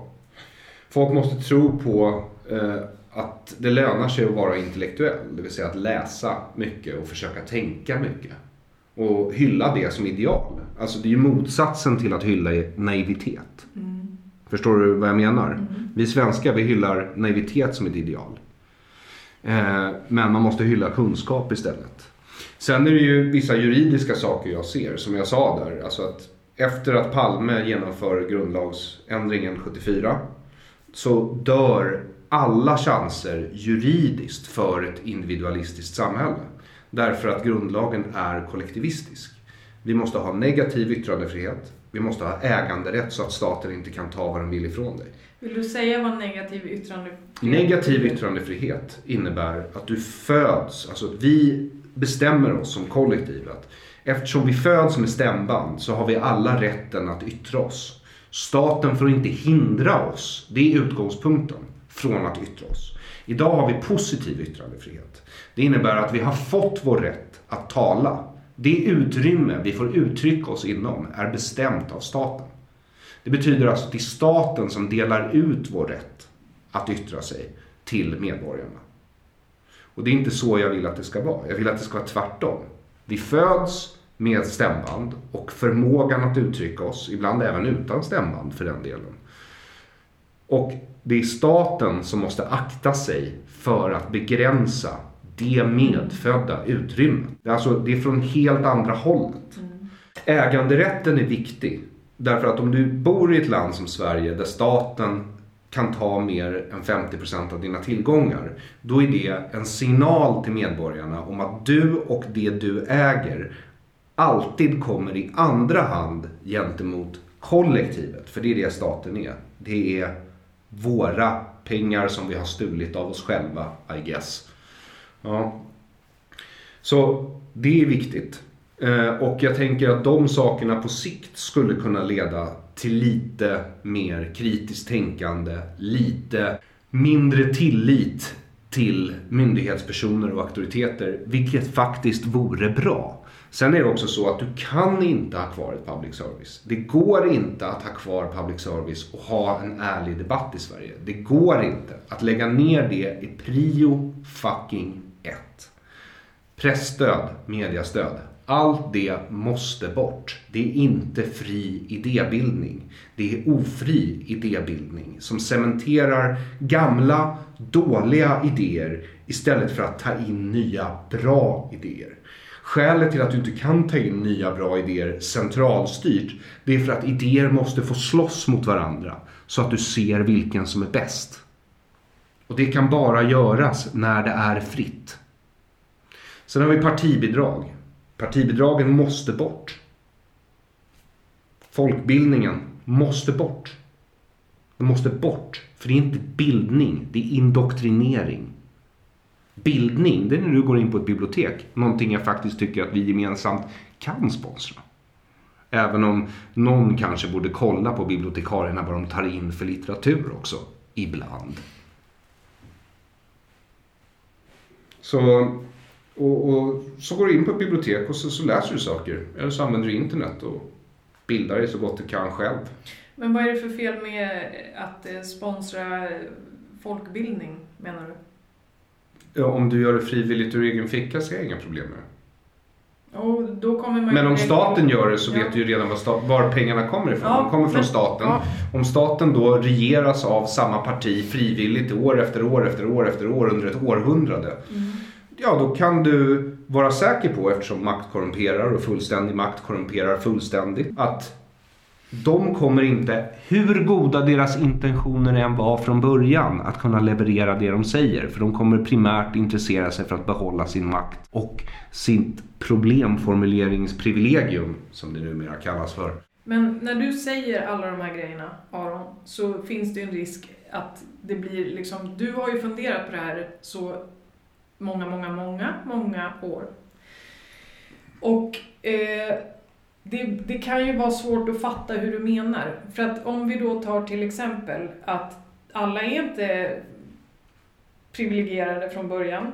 Föds inte till exempel in i en familj som har stålar som kan betala utbildningar och sådana här saker. Och då kan, kan det inte då vara en, eh, en fin grej att... men det där är bullshit. Okej. Eh, det är ren bullshit. Mm. Därför att mängden kunskap en familj gillar står inte nödvändigtvis i korrelation till mängden pengar den familjen har. Bevis i det här fallet är Sveriges bättre bemedlade människor som inte, enligt min erfarenhet, och jag gick ändå på enskilda gymnasiet, är särskilt intresserade av bildning och kultur. De hyllar inte heller kunskap, oavsett hur mycket pengar de har. Så det spelar ingen roll om de har mycket pengar. Hyllandet av kunskap är någonting du kan göra oavsett om du har pengar eller inte. Att tycka att kunskap är viktigt, det har inte med storleken på din plånbok att göra. Det är en inställning till kunskap. Eller? Men vad tänker du om alla universitet och sådär? Vilka exakt tänker du på? Så vitt jag vet så har vi bara en fri högre utbildning i hela Sverige och det är väl för fan Handelshögskolan. Jag vet inte om de sköter sig fläckfritt. Eh, men resten av universiteten och högskolorna är väl på ett eller annat sätt statligt styrda. De ska ju jämställdhetsintegreras nu. Jag har svårt att se hur våra humanistiska och statsvetenskapliga utbildningar samt för den delen naturvetenskapliga ska bli bättre av det. Men vad vet jag? Jag är ju bara en person som läser mycket, tänker kritiskt och har satt mig in i det här. Ja, okej. Jag är alltså inte emot jämställdhet. Det är ju det man får höra om man ger sig in i den här debatten i Sverige. Då hatar man ju kvinnor. Nej, ja, det... Det har jag fått höra. Ja, jag Mm. vet det. Ja, eh, och det gör jag väl. Just as much as the next guy liksom. Jag har ju träffat kvinnor, jag har vuxit upp bland kvinnor. Varför skulle jag tycka om dem? Jag har vuxit upp bland män också. De har inte hittat, letat sig in på min topplista. Eh, så vad, jag, vad, jag, alltså, vad jag menar är bara så att jag har kommit fram till, precis som de flesta i det här landet, att människor är uppenbarligen inte så jävla smarta och bra på att ta ansvar. De skulle kanske behöva lite hjälp, som ett system. Så långt har ju svenskarna kommit. Vi konstruerar ett system som kompenserar för alla våra tillkortakommanden. Men sen så slutade de tänka, antagligen för att systemet tog över. Men vad de skulle tänkt, det var att när du har konstruerat det här systemet, vilka ska sköta det då? Det är ju de där idioterna som behövde hjälp av systemet som ska sköta det. Nu kan du ju ge dig fan på att de kommer inte klara av att sköta systemet. Så vad, det, vad som händer är att du skapar ett system som inte är gjort för människor därför att människor är felbara och system behöver inte vara i alla fall teoretiskt felbara. Men sen ska ju människor sköta om den här skiten. Det kommer de ju inte klara av.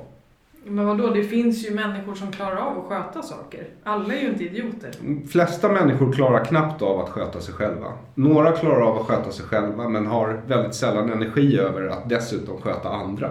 Och sen är det några få människor som har energin att sköta sig själva och ha energi över att lägga på andra. Mm. Mm. Och det är en, så vitt jag förstår, enligt all statistik jag har tillgodogjort mig, korrekt bild av vår art. Okej, men Och då tycker jag att systemet bör möjliggöra så att de här människorna som har en potential att ha energi över till andra, de bör ges tillräckligt stor frihet för att kunna dels ackumulera de den energin då, i det här fallet antar jag tillgångar, möjligheter, egenskaper. Men det gör vi ju inte. Det är Nej, staten som ska ta hand om det där. Hur skulle det gå till då menar du? Alltså, det finns ingen perfekt lösning här. Nej. Men det finns mindre dåliga lösningar än den vi lever i. Och det är de jag jämför med. Därför att vi har det väldigt rent på gatorna här. Eller hur? Mm. Om vi inte räknar med enstaka brottslingar som blir ihjälskjutna och en och annan förbipasserande av ren otur. Ehm, det är den här perfekta bilden vi håller upp. Vi har rent på gatorna. Men det kanske inte är det viktigaste. Utan det viktigaste är? Att vi försöker ta ansvar på riktigt. Prata om saker på riktigt. Mm. Mm, och inte prata om hur vi pratar om saker. Nej. Nej, för det är mycket störande. Ja, det håller jag med om. Ja, men jag har fått många sådana frågor idag. Vilket jag all... Ja, men det får jag alltid och de är, berätt... Nej, men de är berättigade. Ja, alltså... Jo, men när du säger saker Aron så kanske inte alla förstår dig. Av den en- enkla anledningen att de redan har alla fördomar emot mig. Nej, det har inte jag sagt. Nej, nej, nej, men det är min uppfattning. Okej, men det Ja. får stå för dig. Det Det, alltså, det får stå för mig, men vad jag menar är att jag utgår bara från den typen av konfrontationer jag brukar möta i sociala medier. Om till exempel den här boken som jag har skrivit. Och det framgår ju väldigt snabbt att de flesta har ju inte läst den här boken. De bara kritiserar den för att jag är jag. Mm. Mm. Precis som att Ann Heberlein nu får skit för sin Anna Arendt-bok som jag fortfarande inte har läst. Men som kanske är en briljant bok, vem vet? Spelar ingen roll, för hon är Ann och symboliserar avgrundshöger. Så. Mm.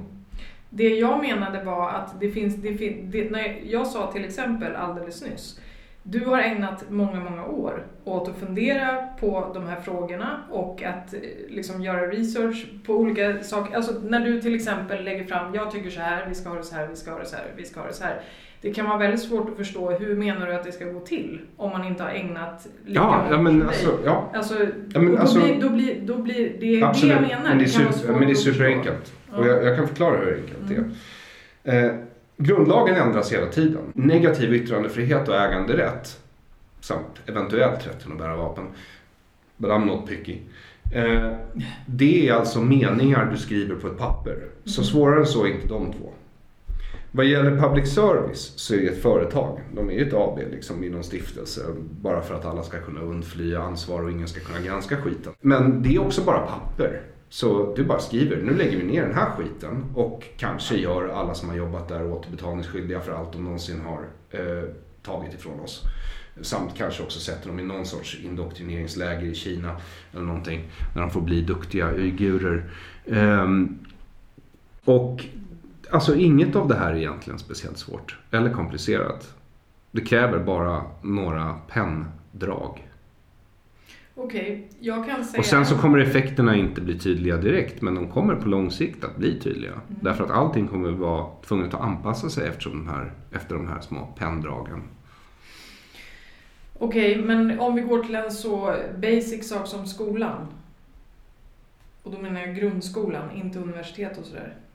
Hur ska vi ha det med det då? Ska vi slopa det och folk får liksom ägna sig åt att gå till biblioteken och lära sig om de vill? Alltså i Sverige får du ju inte hemundervisa dina barn till exempel. Nej. Varför inte det? Tänk om någon är superkompetent och asrik. Tänk om någon har, låt oss säga då, utbildat sig till lärare i 30 år, eh, vinner 900 miljoner på Lotto på en redan förmögenhet som den har ärvt från sina förfäder och råkar adoptera fyra stycken barn från olika delar av världen.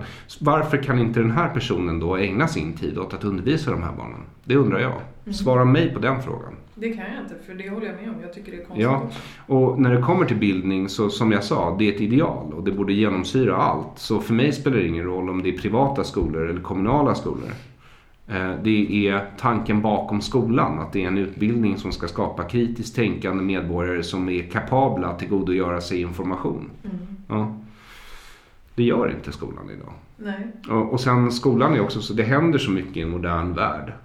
Överallt, hela tiden. Så den kan inte heller hålla jämna steg med allting. Det vet vi redan. Vi vet, det finns liksom forskning på det här som säger att det du ska lära dig det är de grundläggande sakerna. Därför att det är de, de här grundläggande sakerna som används i hundratals år för att bilda människor. Och det är för att de sakerna är vad du behöver för att kunna bilda dig. Det vill säga matte, logik, statistik, historia, språk. Hemkunskap.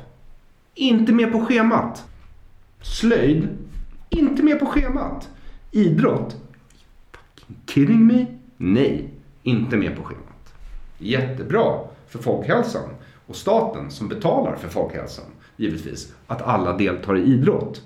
Men för dig som individ? Nej. Okay. Och inget av det här som sagt är särskilt komplicerat. Det är bara att sluta hylla naivitet som ett ideal. Bara det skulle vara ett stort steg på vägen. Tror jag. Det verkar ha funkat för andra. Så. Judar hyllar kunskap. Braminer i Indien, jätteviktigt. Hankineser, extremt viktigt. Singapore. Det finns länder där studier anses vara kanske det absolut viktigaste. Absolut viktigaste. Så viktigt att föräldrar driver sina barn till självmord. Jag säger inte nödvändigtvis att vi ska driva barnen till självmord. Men du måste erkänna att det är en lite annorlunda inställning till kunskap och studier än vad som regerar i det här landet. Mm. Det håller jag med om. Så när vi ändå är på skolan, vad tycker du då att eh, vi behöver lära barn om dels, dels cannabis då såklart, Ja, det är inte ett grundämne i skolan. Nej, nej, men om det nu ska pratas om... Jag tycker ändå det, det finns en vits att lära barn om olika preparat som man kan... Ja, men är inte det föräldrarnas uppgift? Jo, det kan det vara. Vad ska föräldrarna lära barnen om cannabis? Allt, nej, jag tycker föräldrar ska lära sina barn allt de kan. Så gott de kan. Mm. Eh, och vad de ska lära sina barn om cannabis, ja det beror väl på deras relation till cannabis då antar jag. Men när det gäller just cannabis så är det så att inga droger är ofarliga. Alla droger medför risker. Det är en typisk hippiesak att tro att om alla bara tar en drog så kommer allting bli hunky-dory över hela världen. Mm. Så är det inte. Eh, droger är för vissa människor, inte alla, en väg till självutveckling. För andra självmedicinering ytterligare en grupp kanske bara ser ett nöje av att ta dem då och då. Och sen så har vi de som är problematiska men de ska vi ju då ta hand om enligt vår eh, gemensamma sjukförsäkring. Och det kan man ju diskutera men så ser det ut här i alla fall. Um, och det de skulle säga till sina barn är väl att staten har ljugit för dem. Titta hur roligt det är att röka lite gräs. Gör inget dumt medan du gör det. Försök inte äta glas. Satsa på Ben Jerrys. Bra tips. Pro-tip faktiskt. Men ja, nu har vi ju... Det blir så här, jag visste att det skulle bli så här. För Vadå så här? Att eh, jag vill så gärna prata med dig om precis allting så att jag spårar ut. Men vad är ditt största problem med den narkotikapolitiken som vi har i Sverige. Vi har ju egentligen bara... Liksom största? Ja, men vad, vad är problemet med liksom att... Alltså jag har två enorma problem med det, ja. ideologiskt. Dels, och det är väl nummer ett då antar jag, att det här är min kropp och därför min att bestämma över primärt. Mm. Ja. Nummer två är just gruppmentaliteten. Att det liksom är en konstant propaganda som är lögn. Som regerar, folk tror på och anpassar sig efter. Så man kan väl säga att narkotikafrågan i sin kärna verkligen triggar mig på mina två största triggerpunkter. Nämligen personlig frihet, någonting jag har kämpat över om för sen jag var barn då jag inte fick äta godis när jag ville eller lägga mig när jag ville eller titta på TV. Så därifrån kommer en väldigt stark frihetslängtan. Och, och den andra är den här, den här fårskocken av människor som bara bräker upp ett budskap de inte har en aning om är sant eller inte. Det är de två grejerna som stör mig mest gällande nästan vilken fråga som helst. Personlig frihet och gruppmentalitet. Den ena älskar jag och den andra hatar jag.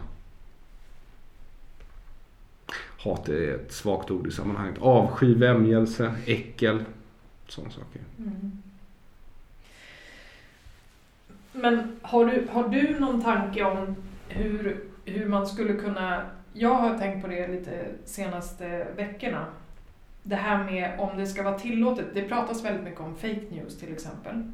Och, och det kommer från politiskt håll väldigt mycket, vad ska man säga, gliringar om att eh, man ska försöka begränsa vad man kallar för fake news och sådär. Och jag, det slog mig häromdagen att det är oerhört intressant på ett sätt att politiker som jobbar faktiskt för oss, inte tvärtom, det är inte vi som jobbar för politikerna utan de jobbar för oss. Och jag, det slog mig då att det, det skulle vara intressant att utreda om man skulle kunna lagstadga på något sätt att det ska förbjudas lögner från politiker, alltså det kan låta jättenaivt och jättekonstigt, men jag menar faktiskt allvar. Alltså om man inte skulle kunna förbjuda fake news från politikerna Nej. på något sätt. De har också yttrandefrihet. Ja, jag vet, men jag menar alltså, jag menar när man har, när man har ett uppdrag på en nivå som styr över... Sorry, nej. Nej, okej. Okay. Och jag ska berätta varför. Därför att vem som helst måste kunna få ställa sig upp och säga vad som helst. Mm. Och sen är det då din uppgift när de har fel och ställa dig upp och säga att du tycker att de har fel. Kanske har den personen fel och lär sig någonting. Kanske är det du som har fel och lär sig någonting. Oavsett vad alla omkring kanske lär sig någonting. Ja. Eh, och om den politikern då blir avslöjad med lögn. Då ska den eh, politikern bli hånad och sen inte vald nästa gång. Men det går inte därför att vi har inte negativ yttrandefrihet. De har partistöd och du röstar inte på personer i Sverige. Du röstar på partier och det är de som bestämmer vilka som ska stå på vilken lista. Mm. Ja, och då får du aldrig det där ansvaret. Det kommer bli mer kaosartat om du med kaos menar att folk kommer våga säga vad de vill. Nej, det är inte det jag menar. Eh, nej, för det kommer ske. Och människor kommer ju verbalt bråka mycket mer. Men vi gör ju det för att undvika att behöva bråka med knytnävar. Det är lite så jag ser på yttrandefrihet. Att det är någonting vi har för att hindra oss från att behöva bruka fysiskt våld. När någon gör eller säger något vi inte gillar, då vet vi att vi får svara med ord. Mm. Mm. Nu är det inte riktigt så i Sverige, inte på riktigt riktigt. vi har inte negativ yttrandefrihet, men det är ingen annan i EU heller så vitt jag förstår. Nej. Um, Nej men mm. jag fattar, alltså det är klart att inte det går och det vill inte jag heller på det sättet. Men det jag är ute efter egentligen, till exempel när det kommer till cannabis, de lögnerna som har Alltså, jo, fast, alltså, är det alltså, som är ren, rena lögner och som väldigt mycket av hur vi har det med till exempel cannabis bygger på rena lögner. Ja, men de rena lögnerna kommer sig, alltså de är så starka stå så starka av den enkla anledningen att vår stat kan pumpa in 10,2 miljarder i budskapet varje år. Mm. Ja. Så tar du bort det, ja då blir ju för det första blir ju medborgarna tvungna att själva föra sin idédebatt. Och då kommer du ju se någonting som liknar större meritokrati tror jag. Efter ett tag. Vad betyder det? Det vill säga, idag är min uppfattning inom nästan alla områden i kultur i Sverige idag i alla fall.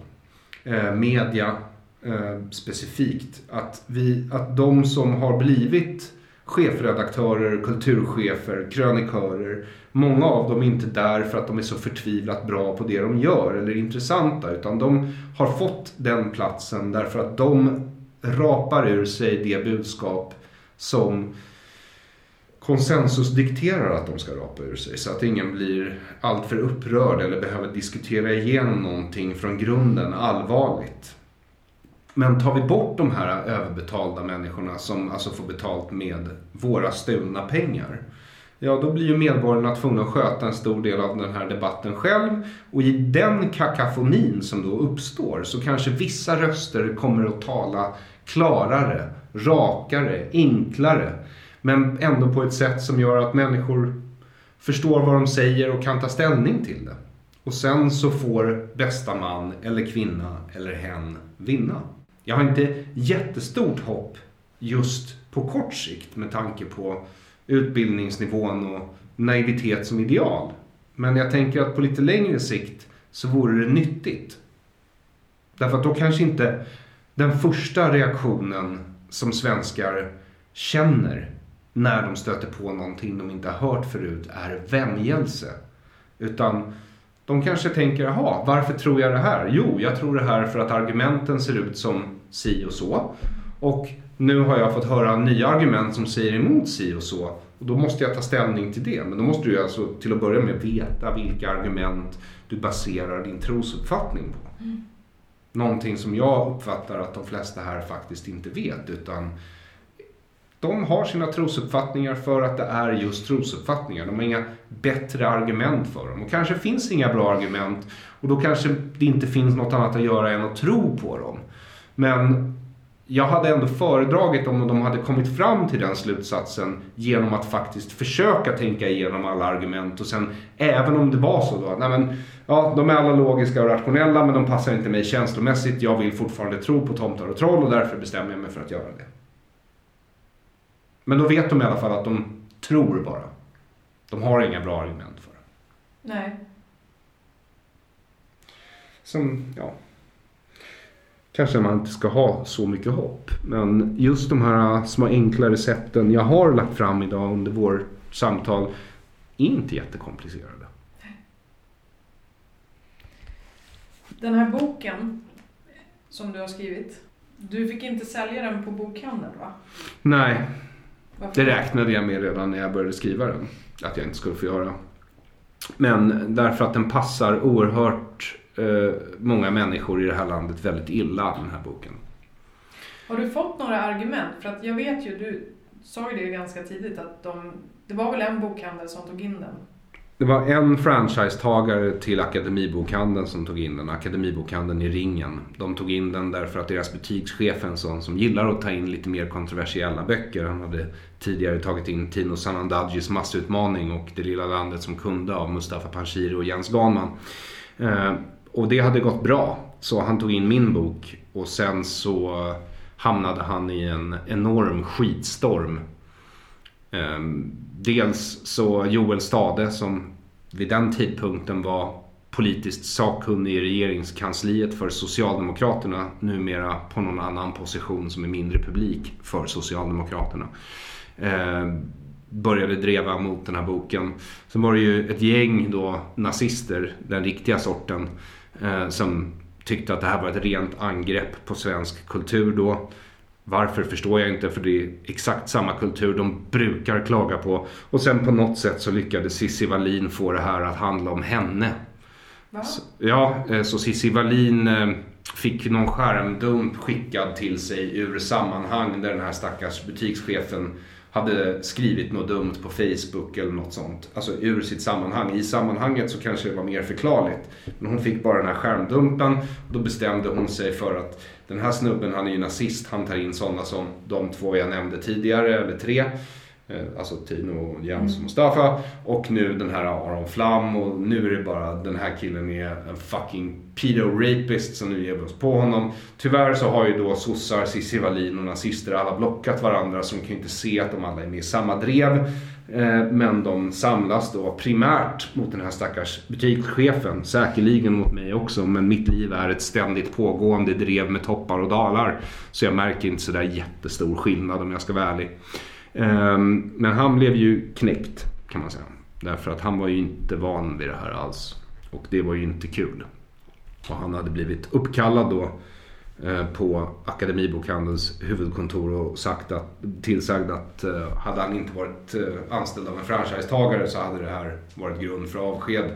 Därför att någon organisation som var Feministerna då, han var i upplösningstillstånd när jag talade med honom och jag vet inte hur rediga VDn och hennes gäng var när de talade med honom, för jag var inte där.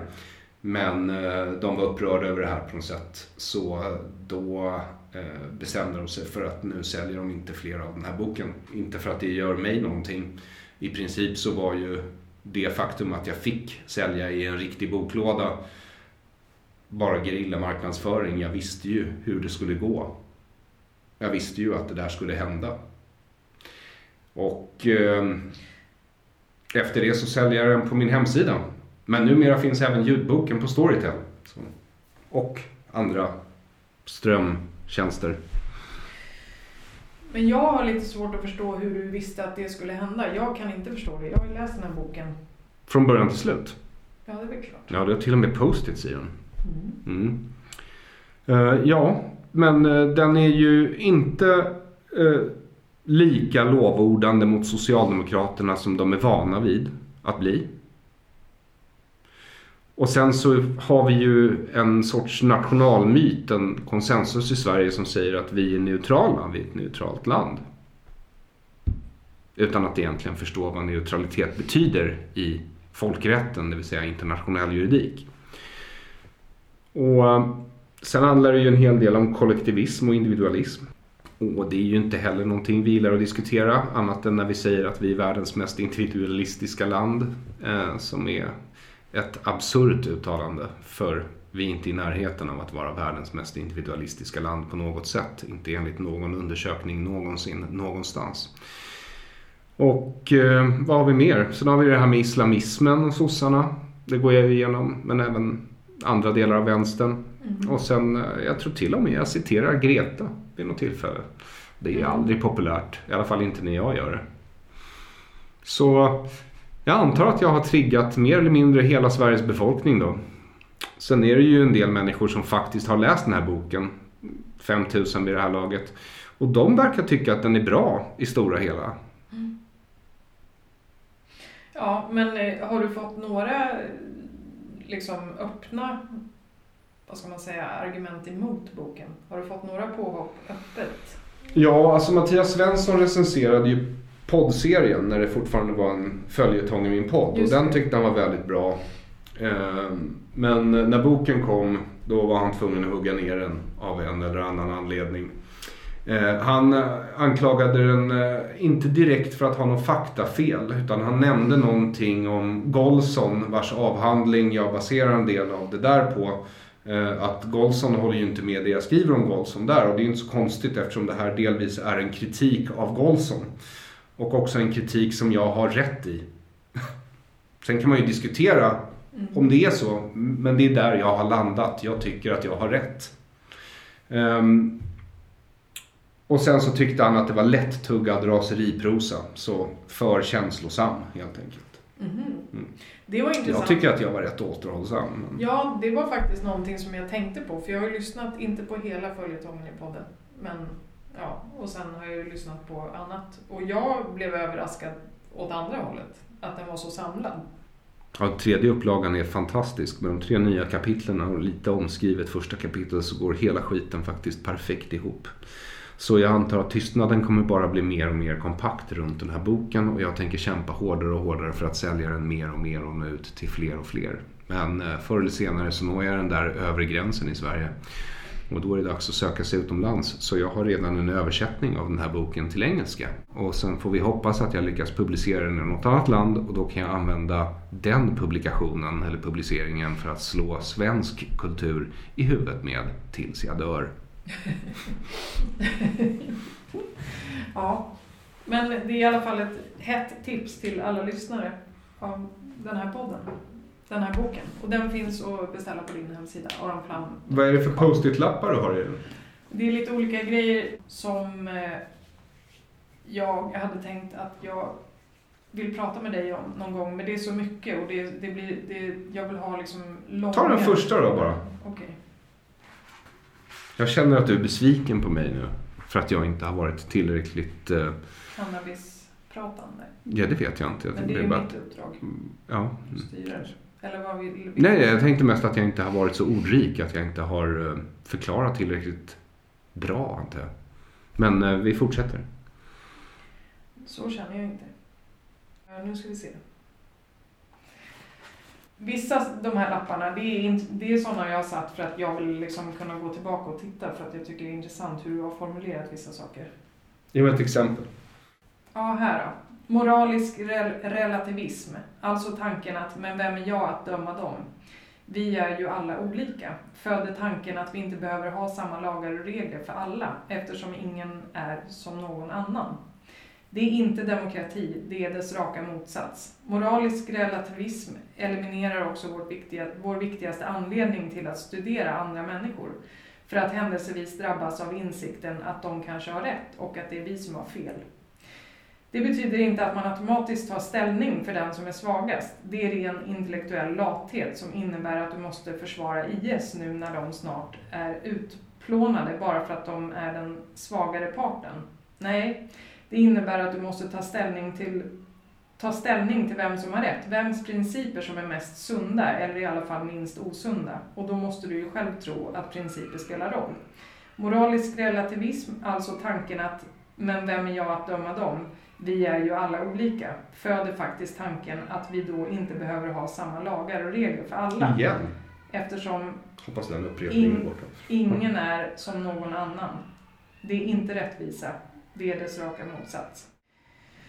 Ja, men och sen är det ju det här med att om du är neutral så hamnar du alltid på den mest förtryckande och intoleranta sidan, även om stödet bara består i att eh, ge sig på dess kritiker. Alltså det, grejen är att det här är ju väldigt intressant, för vi håller ju på väldigt mycket så här i Sverige. Jag skulle säga Väldigt- att eh, jag har formulerat mig bra. Ja, Mm. Och det finns ju väldigt, jag ser ju sådana problem hela tiden också. Vi blandar också ihop en massa saker. Mm. Eh, Det här är verkligen upp och nervända världen. Därför Ja. att du måste börja med att förklara vad varje begrepp faktiskt betyder. Mm. Det betyder aldrig det folk tror att det betyder. Därför att statspropagandan har varit evig och konstant. Från skola till folkbildning till public service. Varenda film, varenda teaterstö- teaterföreställning. Det är eh, lite utmattande faktiskt. mm. Mm. Men det är också intressant, alltså just det här som du pratar om här. Det här med tendensen att alltid liksom ta ställning för det som vi har sagt är det svaga. För det är Mm. också det, alltså det finns så mycket med den grejen därför att det är någonting vi har bestämt. Här, där, är, där är en svag grupp. Ja. Den ser ut sådär, så den hör, tillhör den. Jag läste Malcolm Shione hade skrivit en text om det där som jag tyckte var väldigt intressant. Där han på något sätt, ja, jag, jag har mörk hy. Men det betyder ingenting annat än att jag har mörk hy. Min pappa är här och, Mm. ja du vet liksom. Och bara berättade hur det var för honom och varför han inte alls känner att han ska ingå i den där gruppen som folk ville att han skulle ingå i. Och, så här. och det är en sån sak som jag har funderat på egentligen hela livet. Alltså allt det där med att bli fastlåst på grund av yttre attribut eller på grund av någon åsikt någon gång eller på grund av, alltså hela det här ihopklumpandet. Eller Mm. som du, du är jude, vad innebär det? Det måste innebära... Det Mindre för mig än vad det verkar göra för andra. Ja, men alla de där grejerna. Och att vi låser fast människor i kedjor på det sättet. För att vi är lata. Ja, men det är också det som jag tycker också, det är att vi missar målet hela tiden. Till och med med de godaste intentioner i de lägena. Så blir det som att vi gör tvärtom. Att Mm. vi snarare förvärrar situationen för någon som vi vill kalla för offer eller svag eller någonting annat. Och det tycker jag är problematiskt. Jag håller med. Jag har inte så mycket att inflika. Jag tycker Nej. du sa det väl. Mm. Eller Malcolm, Ja, kanske. Men, men, ehm, Men då Det- blir det direkt. Då blir det direkt. Alltså, ja, men jag, jag har ju tagit för vana att svara folk på sociala medier. Eller som kommer fram till mig när de säger så här, men du är så här. Då säger jag så här, jag är jag. mm, Ja. Och sen så kanske, ja, jag kanske föredrar liberalism framför socialism. Eller konservatism också för den delen. mm, Mm, det gör jag. Det är inte hela mitt jag. Och ja, jag är cyniker. Och jag gillar Diogenes som klassisk filosof. Även om han inte har sagt något själv utan bara har en massa uppskrivna performanceföreställningar nedskrivna i efterhand. Som kanske inte ens ägt rum, vem vet. Men, men det är inte hela jag det heller. Nej. För jag har inte levt, levt i det antika Grekland utan jag är jag. Här och nu. Precis, Mm. det är väl också det där. Du är du nu och nu är, precis just nu är du massa saker. Ja, Ja, och det är också en grej att man blir, det är som att man ska bli fastlåst vid att nu måste jag stanna i min utveckling här. ja exakt. För att nu tycker jag så här. Och då krävs det både en del ork och en del mod för att ta sig ur det där. Mm. Eh, Men det bästa tipset det är ändå en hälsosam brist på respekt för dina medmänniskors åsikter. Mm. Ja, verkligen. Hälsosam brist. Det betyder inte att du behöver över, avfärda alla hela tiden. Men en viss insikt om att de vet inte alltid varför du gör som du gör eller är som du är. De kan aldrig veta det. De kan bara berätta hur de uppfattar dig. Mm. Mm. Och i vissa fall så kanske deras uppfattning inte bör spela dig någon roll. Nej, och det där är ju en konst alltså. Så är det ju. Ja, alltså jag vet inte om det är en konst. Att, jo, att klara av, det, jag tycker det i alla fall, det är en konst att... Eh, Men om någon säger någonting till dig som du tar illa vid dig för. mm, Då finns det ju massa sätt för dig att analysera vad som just händer. Först kan du ju utgå från varför reagerar jag så här mm, på det här? Har det någonting med mig att göra? Om det inte har med dig att göra, varför säger den personen så där? mm, Har det någonting med den att göra? Troligtvis, eftersom den sa det. Det var ju den som sa det. mm, Eh, och jag menar, jag gillar inte när människor kallar mig nazist till exempel. Det, ja, jag uppskattar inte det. Men faktum är att när de säger så, så säger det betydligt mer om dem än om mig. mm, Och det är så jag tar det. Att om någon kallar mig nazist, då vet du så lite om min gärning så sannolikheten är väldigt hög att den som sa det är nazist. mm. Det är den bästa medicinen bara. Men eh, den smakar sådär. Mm. Ja, tror du på en legalisering av cannabis? I Sverige? Ja. Sist av alla västländer, I guess. Har Faktiskt. du någon eh, prognos i huvudet när det kan tänkas bli? Ja, Jag hoppas att det är inom 20 år. Men eh, till och med det verkar verkar, alltså som det ser ut idag så ser jag ju liksom inte alls men Sverige har ju en tendens att vända på en femöring om det passar. Så eh, det är möjligt att det här också vänder på en femöring. Att politikerna till sist inser att ja men vi kan inte slösa polisens resurser på att ta varenda tonåring som röker på i en park utan vi har faktiskt större och viktigare problem. Men det är en from förhoppning än så länge. För jag, ja. Om en ung jude kommer till mig och frågar mig om jag tycker att den borde bo kvar i det här landet, då säger jag absolut nej. Gör du det? Ja, Varför då? ser ingen framtid här. Ser ingen framtid här oavsett om du är jude eller inte just nu. Tycker allting är på väg åt fel håll. Ingen sjukdomsinsikt finns. Och jag ser inte hur det skulle kunna bli bättre. Jag är kvar dels för att jag har min familj här. Men också för att det är mitt jobb. Och det här är plötsligt ett av de mer intressanta länderna på jorden. Fast inte på ett bra sätt. Så jag stannar. Men jag förstår inte riktigt varför någon annan skulle. Förstår inte. Varför? Den trevliga kulturen. De låga skatterna. Vi finns ju här. Vilka vi? Du, jag, massa Ja. andra. Ja, ja, har vänner och bekanta och familj framför allt. Som jag vill väl. Och eh, jag vill även mina landsmän väl faktiskt. Men jag har bara svårt att se hur det ska gå till. Det är så många saker som är primärt psykologiskt fel här. Faktiskt. Nu, idag är det tisdag. På torsdag har jag lyckats boka in den här Anoush Gasri till dekonstruktiv kritik. Mhm. Vet du om det är? Nej. Skriver långa, iransk-svensk, långa inlägg på Facebook. Och han verkar ha någon bakgrund inom psykoanalys för han använder den typen av begrepp. Alltid med aber att det här är inte vetenskap men vi behöver en begreppsapparat för att kunna beskriva vad som faktiskt händer.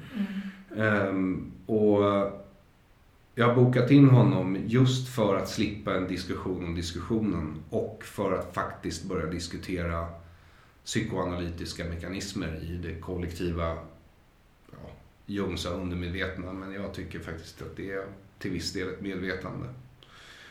För att se om vi kan plöja vidare. Intressant. Ja, jag vet inte om det kommer gå men um, och det där var också en sak jag hade tänkt att säga apropå en tidigare fråga hur man faktiskt förändrar förutom de här praktiska förslagen jag har. Att vi sitter och pratar är ett bidrag till just en förändring. Att det finns en fri kultur på internet just nu bidrar till förändringen. Och det är någonting man kan göra. Annars så är det så att jag tror att om du petar i ett sår så kommer du få en reaktion. Den är inte alltid positiv. Men fortsätt peta i såren. Det var väl antagligen därför jag också började med narkotikapolitik. Förutom att det låg mig personligen nära så var det en sån här tydlig ingång till just sektmentaliteten. Mm. Ja. Jag eh, skulle gärna vilja göra det här i tre delar. Den här. Okej. Okay. Men eh, är det någonting som du tycker att du, som du tänkte innan du kom hit? Som du ja. kanske vill, ja. Jag tycker inte droger är för alla. Nej. Utan jag tycker att droger är för vissa. Det är för shamanerna. Och då pratar jag primärt om hallucinogener. Även om det finns andra också. Så är det primärt hallucinogener för det är de som är sinnesvidgande. Um, och jag har alltid varit intresserad av dem metafysiskt på grund av det där äpplet i Edens lustgård. Den där frukten som gör oss smartare. Eh, och jag tror att det finns potential både för att göra oss dummare och smartare i de här preparaten men vi kommer aldrig bli smartare om vi inte försöker. Och jag tycker att om man ska läsa eller pröva sånt här så ska man ha läst väldigt mycket om det. Och gärna kunna lite meditationstekniker. Alltså inte nödvändigtvis för att man behöver tro på en andlighet i förhållande till meditationen. Men för att det är bra att kunna kontrollera sin andning och sin hjärtrytm om man ska experimentera med sig själv på det här sättet. För jag har verkligen jagat den där frukten i Edens lustgård tror jag, hela mitt liv på ett eller annat sätt. Och det var det som ledde mig in på det här. Och det som gjorde att jag till slut hittade den där boken Du inte får låna. Soma av R. Gordon Wasson. Därför att det hänger ihop med mitt liv på så många sätt. Just den där frukten i Edens lustgård. För den där frukten i Edens lustgård är på något sätt också den monoteistiska religionens, alltså judendomens eller gamla testamentets trickster. Det är ju ormen som lurar Eva att äta av frukten. Mm. Mm. Det är det röda eller blåa pillret i The Matrix. Eller svampen i Alice i Underlandet som har två sidor. Den ena blir du stor av när du äter och den andra sidan blir du liten av när du mm. äter. Och problemet för Alice är att svampar är runda och att hon därför inte vet vilken sida som är vilken. Eh, men den förekommer, den där svampen den där växten, den där frukten i saga efter saga, kultur mm. efter kultur och den har fascinerat mig sedan jag var barn. Jag vill förstå, jag vill äga den, den sagan, vad den än innebär i olika kulturer. Och jag har spårat den ja, genom massa olika tider och massa olika kulturer. Och, och jag kommer nog inte vara klar med det under hela mitt liv tror jag. Men jag hoppas att jag åtminstone kommer få ihop en Det här är en svensk tigerliknande följetong om just frukten i paradiset. Kanske så snart som i vår. Mm. Mm. Det var värst. Ja. Men... Glada eh, nyheter. Alltså jag hade tänkt att göra det under sommaren. Det var planerat men sen så kom covid och det är inte så lätt att boka gäster längre. För mm de är fast i olika landsändar och har inte alla tekniska möjligheter som krävs för att spela in på distans alla gånger. Så Jag håller på att pitcha min förläggarkollega nu för jag startade ju ett förlag för att ge ut den här första boken. Mm. Och då behöver man ju ge ut fler böcker om man har ett förlag. Du kan inte bara ge ut en bok. Och vi ska inte bara ge ut en bok eller ens bara mina böcker. Vi kommer ge ut andras böcker också. Men eh, jag tänkte att nästa projekt kanske ska vara lite närmare min ande. Det låter väldigt spännande. Ja, och när jag säger ande då menar jag alltså bokstavligt talat andning. Mm. Mm. Det är vad jag tror att jag är. Den här luften som sugs in och ut ur mig. Spännande. Så det var vad jag hade att lägga till. Jag vet inte om det var tillräckligt välformulerat. Men... Då vill jag fråga dig. ehm, Alltså jag vill inte konkurrera med dig. Det är mer en litteraturgenomgång. herregud. Den jag skulle egentligen förberett mig för den här gången. Meditationstekniker. Eh, är det några särskilda som du tycker funkar bra för dig? Som du vill dela med dig av? Um, bra att ha ett mantra. Både ett man förstår och ett man inte förstår. Det som man inte förstår är för att det är nonsens, så det betyder ingenting. Så du kan säga det och inte tänka någonting. Det du förstår för att det vill ge dig någonting. Och jag gör väl transcendental meditation antar jag. Jag sitter ner och sen så tar jag några djupa andetag. In och ut i lugn takt. Och sen försöker jag bara reglera min andning så länge jag kan. Vilket vanligtvis inte är så länge. För eh, att meditera är superduper svårt och tar åratal. Och är så otroligt effektivt. Jag har funnit att jag klarar en hel del med hjälp av det. Men det kanske är placebo, vem vet? Spelar ingen roll. Funkar det så funkar det. Japp. Okej, Okej, var det allt? jag tror det. Lyckades du få med allting? Nej, absolut inte. Tänk på saken, jag ska gå på här rummet. Mm. Och sen så tar vi tio. Den här ska jag köpa och läsa. Ja, du får låna den om du vill, även om jag just nu är rätt sur. Nej, det är fel igen. Ja.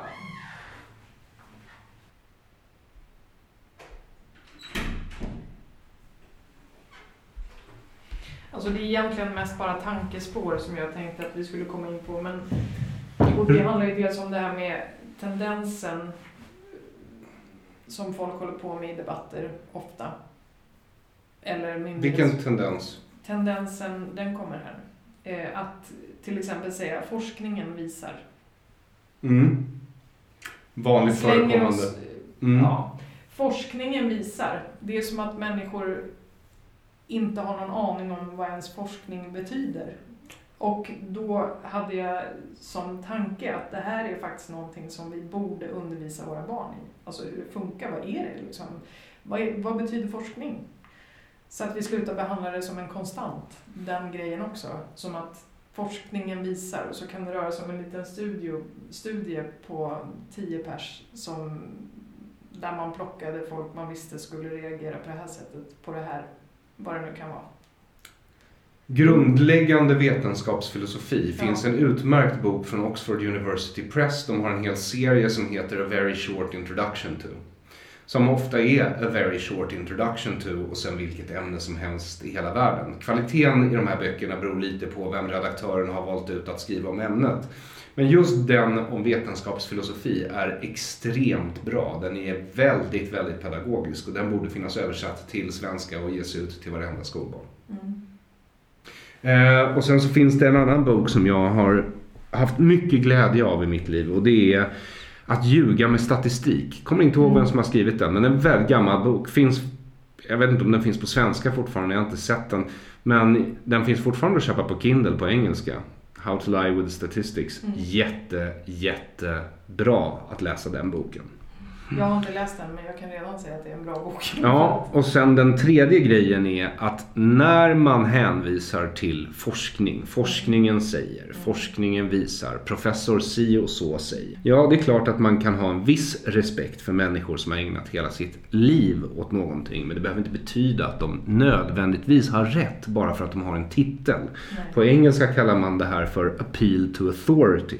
Det vill säga att man appellerar till auktoriteter. Och det anses i debatter vara fel. Du har förlorat då om din motstånd, meningsmotståndare kommer på dig med det och sen kan säga nej men nu, nu appellerar du bara till auktoriteter. Du har inte tänkt själv, du har inga egna argument. Nej. nej. Men här är det nästan tvärtom. Man ska inte ha egna argument. Eh, na, men men eh, det är ju det det innebär. Mm. Nej, nej. Alltså, du har inga egna argument. Nej. Så då säger du professor si och mm. så tycker så här. Mm. Ja, det tycker han. Men då kan jag också säga när det gäller professor till exempel Hassel som är nationalekonom på Institutet för internationell ekonomi på Stockholms universitet, våning 8. Att han är en enveten socialistjävel och allt som kommer ur hans mun kommer vara anpassat för det. Sen kanske han har rätt ändå någon gång, vem vet? Men eh, kan ju vara bra att hålla koll på vem som citeras, vad den personen står för, vem som har betalt den personens exakt, lön. Exakt.